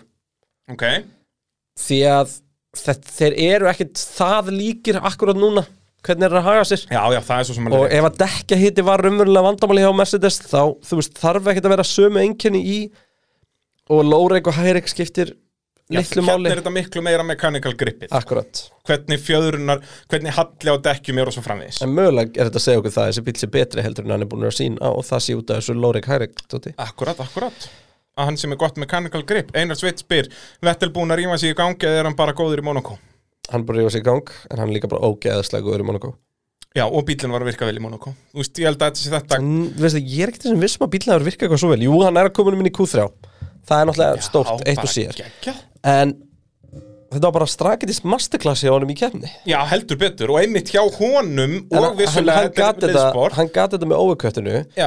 Að Hamilton var þringaður í að reyna underkött út af því að dekkina svo kláru mm Mhm. -hmm. Fettel greinlega bara passaði upp á sín Já, maður sá líka, hann fór þarna 5 sekundum frá, svo bara byrjaði hann aðeins að nálgast, ég held að það voru 3 sekundur á milli þeirra, þú veist, það, Hamilton er ekki að stinga hann af, sko, en, þannig að- að en Hamilton var heldur ekki komast fram um gasli Nei, nei, þetta er Monaco sko En hérna, bara frábælega gert hjá Fettil og náttúrulega liðinu að að ná þessu overkötti á þá hann fer fram úr um tveim Æ, menn, Það þarna. var allt frábært við þetta fyrir utan direktorinn hjá TMC Já. sjónvarpsstöðinni. Það er bara nákvæmlega svolítið Stról byrjar 13. endar 8. og átti góðan stint þarna Það var eina sem var spennandi en í enda kappakstusins Já, því hann ræsti á hörðutekjunum já, og næra að nýta sér það heldur betur og kemst upp fyrir En okkon sko, náttúrulega það sem hann er að gamla þar er bara, hei, ég er 13 Jep. eini sjansum gera minn eitthvað er bara öðruvísi. öryggisbíl á 50. ring þetta vá hvað hann kerði lengi á hörðudekjunum að vonast leika myndi gerast Já, en hann var samt með hellir grip, hann var að fara hraðar en okkur Já, hann var hraðast í bílun á brautinu á Það er tímabili. bara svoleiðis, og þó hann var búin að vera á þessum dekkjum í 50 ringi En bara nummer 1 og 3, fyrstu tvövöldu dekkin hjá, nei tvövöldu dekkin, tvövöldu stíin hjá Aston Martin í ár og það er bara Fyrir viki komnu upp í 5. seti Já. Þannig að það er bara algjörlega dásamlegt uh, Ég var að tala um vinhóp uh, Ólís Já, hverja erum við að setja þér? Já, við erum alltaf Sko, með það- svona það er- það eru tvö- óvinni helgarinnar Já, það eru tvö sjátt Ég vil bara meina, þú veist, Ég- veistu, gyrðingin og ég leklerk Já, eða hérna, er bara Leclerc og Monaco Já, já, bara svona Eða- Hann náttúrulega hefur ennþá ekki klára að kefna þarna Eða Hamilton og liðið Já, jú, vá, við verðum að En gera það svo gætum við líka bara breytt út af og sagt að augljósu vinir í vinu og bólis þess að helgina voru Norris og Carlos Það er Sainz endar, já, við getum farið hinn áttina Ég held Þeir eru- það, það þeir- var Þeir eru ekkert- pottið báður um Ólís líki Það var 100%. ekkert annað um eitthvað svona leiðindi Nei, það er nákvæmlega svo leins Þeir eru 100% Þeir eru, með, þeir eru sko Ég hugsa sko að Leclerc Nei, að Sainz sé með líkilinn hans Norris og öfugt Já, sko, ég held sko meira sem að þó að Sainz hafi fengið sko eitthvað V-Power líkil þá fer hann samt og Ólís, bara til að vera í vinnahópin Klála og ef að þú vilt vera svona mikill vinnur og dásamlegur eins og þeir tveir, þá þú þú að fara í vinnahópin Já, ferðu nú olis.is og uh, steimla það pitturinn í hópur og þá ertu komin í pitts vinahópin og þetta kostar ekki neitt, það? Nei, hún bara var afslátt á öllu sem áttu að Ég segi kaupa það, þér þú fær bara líkil og fær afslátt bara tveir fyrir einn í bíó á mánudögum og ég veit ekki hvað og hvað Já, afslátt að nammi, ísbúð Og öllum bílavörunum efnalög, hjá þér líka öllu og, og- og tíu krónur á bensinnu Já, já, bara, þetta er bara En sko auka, eintóm fyrir hamingja. ekki auka tíu krónur eða þú ert með pittsleikil Já, svoleiðis, þannig að þú færði þess að venjulega hvað er það, fjórar eða fimm krónur eða eitthvað þarna? Skiptir ekki máli Ah. og þegar svo komið með tíu krónur Herðu, pittsleikil sælla minninga maður, af hverju, af hverju ekki allir búinir aðeins Herru, nú getum við farið rosalega hrætt í gefnum restina Já, það ekki, Alfa Já. Tauri Honda Já, Gasly solid, fór lítið fyrir honum og bara varðist Hamilton vel m, svona, Já, með, veist, en hann bara miða keyrði við eins og allir hinnir en En miða, geggjaður miða, lögadagur Já, já, sko, en miða við, er það samt? en það Ok. okay. ekki sjötti Já, já, jú, fyrir framann Hamilton og eitthvað En þú veist, á Alfa Tauri en sko Af hverju en, þetta efast um Út það? af því að gæjarnir sem hann er að setja á bak við sig Ef hann hefur verið áttundasæti, hvað er sagt? Gekkjaður lögadagur Ef hann hefur verið áttundasæti Á Alfa Tauri? Áttundasæti, Á, sérst, þú ert að tala um að lögadegi, en það ekki? Jú. Já, já, e, hann var sjötti já, sem var frábært En hefur verið alveg að þetta verið frábært að hann verið áttundi já, mér finnst bara að koma þessum Alfa Tauri almennt séð í Q3 er Hann er búin gott að gera það bara aftur og aftur og aftur Já, Þessi bíl og það- auðvitað getur það Út af hann er frábær Nei, út í þeir, já, jú, já, já En, Ég hafði segið, áttundi tímantökum, ok, ekki frábært, bara gott já, en það voru bæði Hamilton og Peres voru fyrir aftan hann Og það er ekki gaslið að þakka Þú Nei, nei, en veist, Það sem ég bara segja er að fannst þér hann bara ekkert spes um helgina? hann var ekki verið framann þú veist, ef hann hefði verið fyrir framann einhvern að ferrunum eða, ei, þú veist, Ricardo síðan að skýta hann jú, ég meina, hann er fyrir framann Alpin, hann er fyrir framann Aston Martin, Já, já, en þessi bíl er betri en þeir, þú já Já, svo, já veist, mér finnst Þetta bara er samt svo algjör erfitt. mér finnst bara algjör skita að Alfa Tauri sé ekki fymtasætinni stegakjöndi bílans með Mm. og, sko, Þeir eiga að vera það. já, eiga bara að vera nokkuð öruglega þar, sko Alfa Tauri á bara að vera með svona 35-40 stig Algjörlega þannig Míðan að, nei, einhvern þeir hafa verið, þú veist sérstaklega, já, þeir eru búin að kasta frá sér hansi mikið að stegum, sko. Hákon Darri spyr, eh, held að það fengi, eh, held að það hefði hendað svo nota betur að taka eitt ári viðbót í Formúlu 2 en kannski mun það hjálpa honum á næsta ári að hafa haft þessa reynslu þó að bílarnir verða allt öðru í sig. já, já, ég skal alveg gundra þetta En það ekki, svo nota, þetta er náttúrulega ekki fallegt Jóhannes Felix eh, spyr Er eh, kominn tími á að setja Yu- Yuki litla svo nota í reypið og undurbúa fyrir hengingu Hvar stendur hann hjá ykkur núna? Já, Við erum Ég er gríðarlega alveg- mikið á móti ábeldi gegn börnum Já, það- og, sma, og smáfólki og smá fólki En hérna, jú, þa- hann er búinn í mínum augum hann er ekki búinn Nei, en þú veist, hann er ekki byrjaður í mínum hann er ekki réttara byrjar, sagt. já, hann komst einhvern veginn aldrei af stað Jú, að þú veist, eins og ég segi, ég elskaði hann eftir bara einn En svo bara hann hefur ekki gert nokkuð skapaðan, sko Já. Alpine við Renault skrifum ekki neitt um Alpín Nei, Renault þeir eru dottnir í sjöndasætti Úr, voru þeir ekki í fymta? eina sem við skulum bara tala um er að Fernando Alonso var eini sem datt út í fyrsta lötu tímatakana sem var ekki nýli Já sem sagt ekki að keira Mónaco í fyrst í skipti fyrsta skiptið og bá, vá hvað hann var lélegur maður Hann var 17. ömurlegur. og endar 13. og okkur nær þá aðna í tvö stig í níunda senti og Alpín hann var líka bara ömulur í æfingunum og allt já já, bara almennt sjó og Alpín bílinn bara greinilega virkaði ekki neitt hann Nei. það er bara svo leiðis, Alfa Romeo Racing Ferrari stig, pá Pá, Antonio Giovanazzi, fyrsta stig tímabilsins hjá Alfa Kimi ræsir 14. eða fyrir ekki, hann ræsir náttúrulega 13. við erum náttúrulega alltaf að gleyma þessu Já. en hann 14 tímatökum og klárar 11. a- og Antonio Giovinazzi uh, ræsir 10. klárar 10. Já.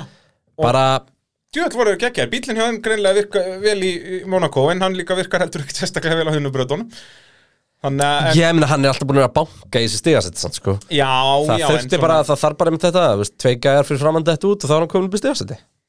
Já, en ég meina að Giovanazzi var komin í stöðan sem þetta lögadeginum Það er rétt. hann, hann nær upp í Q3 og bara virkilega vel Já, gert hjá það honum. verður endur með að ræða það, Gio í Q3 í fyrst skipti, Já, fyrst bara- skipti sem við séum Alfa Romeo í Q3 á árinu, sá hann aldrei Er þetta ekki bara fyrsta skipt sem Giovanazzi fyrra. kemst í Q3 almennt? Jú, örgulega. Ég held það, ég, ég, þ- þ- ég þóra ekki að negla það, ég er ekki búin að researcha Það gæti að vera einhver rigningakemni eða eitthvað en, Eh, en bara drullu fint við á Alfa Romeo sem eru núna orðnir langt á undan Williams og Haas langt á undan Já. það er bara óendanlega langt í prósentum talað sko. Já. það er bara, það er ekki hægt að setja prósentum það hvað þeir eru mikið betri Williams Mercedes, Já, ennþá aftur. stiga lausir vá hvað þeir voru lélegir Oh my god, er það grínast eða? Latifi náttúrulega krassaði hann í, í FP3 Russell var einhvern veginn hvergi nærendar upp hann í kemst 15. í sæti Q2 er það Já, ekki? en hann kemst í Q2 já, mi- já, já, en bílum var náttúrulega hræðilegur það er rétt Þú veist, hver er dett út? Það eru Haas bílarnir. sjómakir dettur út út í hann er náttúrulega bara ekki með og Nikita Masipin bara hans bílarnir Já, Það er Alonso, Alonso Latifi og hver er hann og... og hver var... en nei, eru þeir þá komnir fimm þannig Hver var í 16. sætinu? Í Sunnóta Svo nótaði þetta, Já. hann kveldskeitt, já, alveg rétt Hérna, já, Þú veist, og þannig að- lítið að frétta Haukur Sindri spyr áttu Williams eh, ekki meira inni en þeir síndu Nei, þeirra, eða þú veist, bara bíllinn þeirra virkar ekki á þessari braut Já, Það er bara svo leis, það er, og ég meina það er alveg fínt fyrir liðið að, að þú veist, þeir eru á liðinu upp á við og að bíllinn virki ekki á svona spes braut er, þú veist, það er ekkit, himinn og jörð er ekkit að farast, sko og það þeir Nei. eru eitthvað sem er ekkit voru ekkit eitthvað að banka á stig enda, endalaust eitthvað og bara svona er ennþá með 0 stig leðurandi léttir, Hans Ferrari eh, enda bara í sínum eh, 18. og 19. sætum eh, eða 18. og 17. réttar að setja út, það er 22 út uh, Mick Schumacher kemst ekki í tímatökur eina sem við þurfum að ræða þar er að Massipin grínið er officially búið allavega svona því so far. miður það er bara þannig að Monaco, engin mistök meðan linsfélagin hans var út um allabraut sem sannar líka enninu sinni hversu agalegur þessi bíl er og, og já, Schumacher bara gerir degið uh, Massipin var ekki tráður en hann var betri en Schumacher þessa helgina Já, er það ekki? já Það er, það er bara ekkert öðruvís en það. Uh, Þá langar mér að fara yfir nokkrar svona auka spurningar. Uh, Unnar Már spyr, hvernig var ég hægt að gera Monaco minna boring? Með, hvað var það framúraksturur og svo leiðis? Ok. Og þetta er aðeins sem við vorum að pæli á þann. Já, ég veit ekki alveg með bílana, sko, hvað er það að gera með bílana því að þeir þurfa bara að vera minni Aðalega minni, já. En Þú á veist. næsta ári verða það kannski ekkert mikið minni en þeir munu geta eld betur. Já, og það, þú veist, það er bara svo öðvöld að vera breiður, sko Já. Þeir þurfa bara að minka bílana eða, þú veist, ég var að pæla, þú veist, væri hægt að fara í eitthvað svakalegar aðgerir með því að breykka, svo, það er hægri beigja í gegnum göngin ef við getum köttað innan úr því bara með einhverjum græjum til að gera þetta minni Það er- beigju það er þannig að það náttúrulega væri hægt að gera DRS-væði aðna. Það væri geggjað ef að göngin geti verið DRS-væði. Það var einu sensin Já. En DRS var má helst ekki verið í beigju, sko Nei, ég segi það, þess vegna er ég að tala um að það þarf að taka vel úr fjallinu þarna fyrir innan, skiluru. Eða er þetta, jú, það er fjall þarna, þetta er ekki einhver bygging. Þetta er með svona hægra jokerlapp megin Já, vera- þú veist, en alls konar svoleiðis er ekkert að fara að gerast, sko og þetta sem vorum pælingarnar á hann með að færa ykkur beigur til, þú veist, ég veit ekki hvað er hægt að gera með þetta Já, ef við myndum, sko, ef við myndum færa beigjuna eftir göngin Já, bara 100 metrum lengra Já, Þannig að gera það, bara setja það inn í komplexið með þetta pakk Já, Að það sé basically. bara svona einn Klikkur og svo inn í langur það, klikkur, já. bara kröpp vinstri beigja, Já, pínu það- hægri og svo vinstri komið framhansmöðleika En það ekki bara Og Gera- opnar DRS-ið þegar þú kemur út úr göngunum Já, basically, já, þú opnar dýra sem leiðu að kemur út úr göngunum, það er kvítlína og tabak, við gerum við hana eins og var gert við Ascari og Monza settu svona klikkur inn í, þetta er ennþá vinstri beigja, nema með svona klikk Einmitt Við erum búin að redda þessu hérna í pitnum, döminu Já, þetta er ekki flókið. Ég var enda líka til í að breyta aðeins síðustu beginni. Já, eins og vorum að tala um á, gera bara eina uppbeigju Já, já, em, bara basically að bara frá hérna raskas að þá hérna, ekki þessu auka klikkur, Antoni Nókjæs já, beigja þú bara færi bara beint. þetta Já, sé bara hægri uppeyja heilega og þá er þetta breykkan líka vel hafa hana bara, þannig að þú getur farið vítt og svona, þetta er eins og uppeyjan bara á Hockenheim þurftir eiginlega bara að færa pittin aðeins lengur til hægri. Já, en það er alveg geranlegt Já. Já, þetta tvent myndi hjálpa þessum brauti verulega Ímyndaður erum myndi gera þessar breytingar núna og svo fáum við líka bílana þá allt í hennu getur þetta bara getur við farið að dansa sko.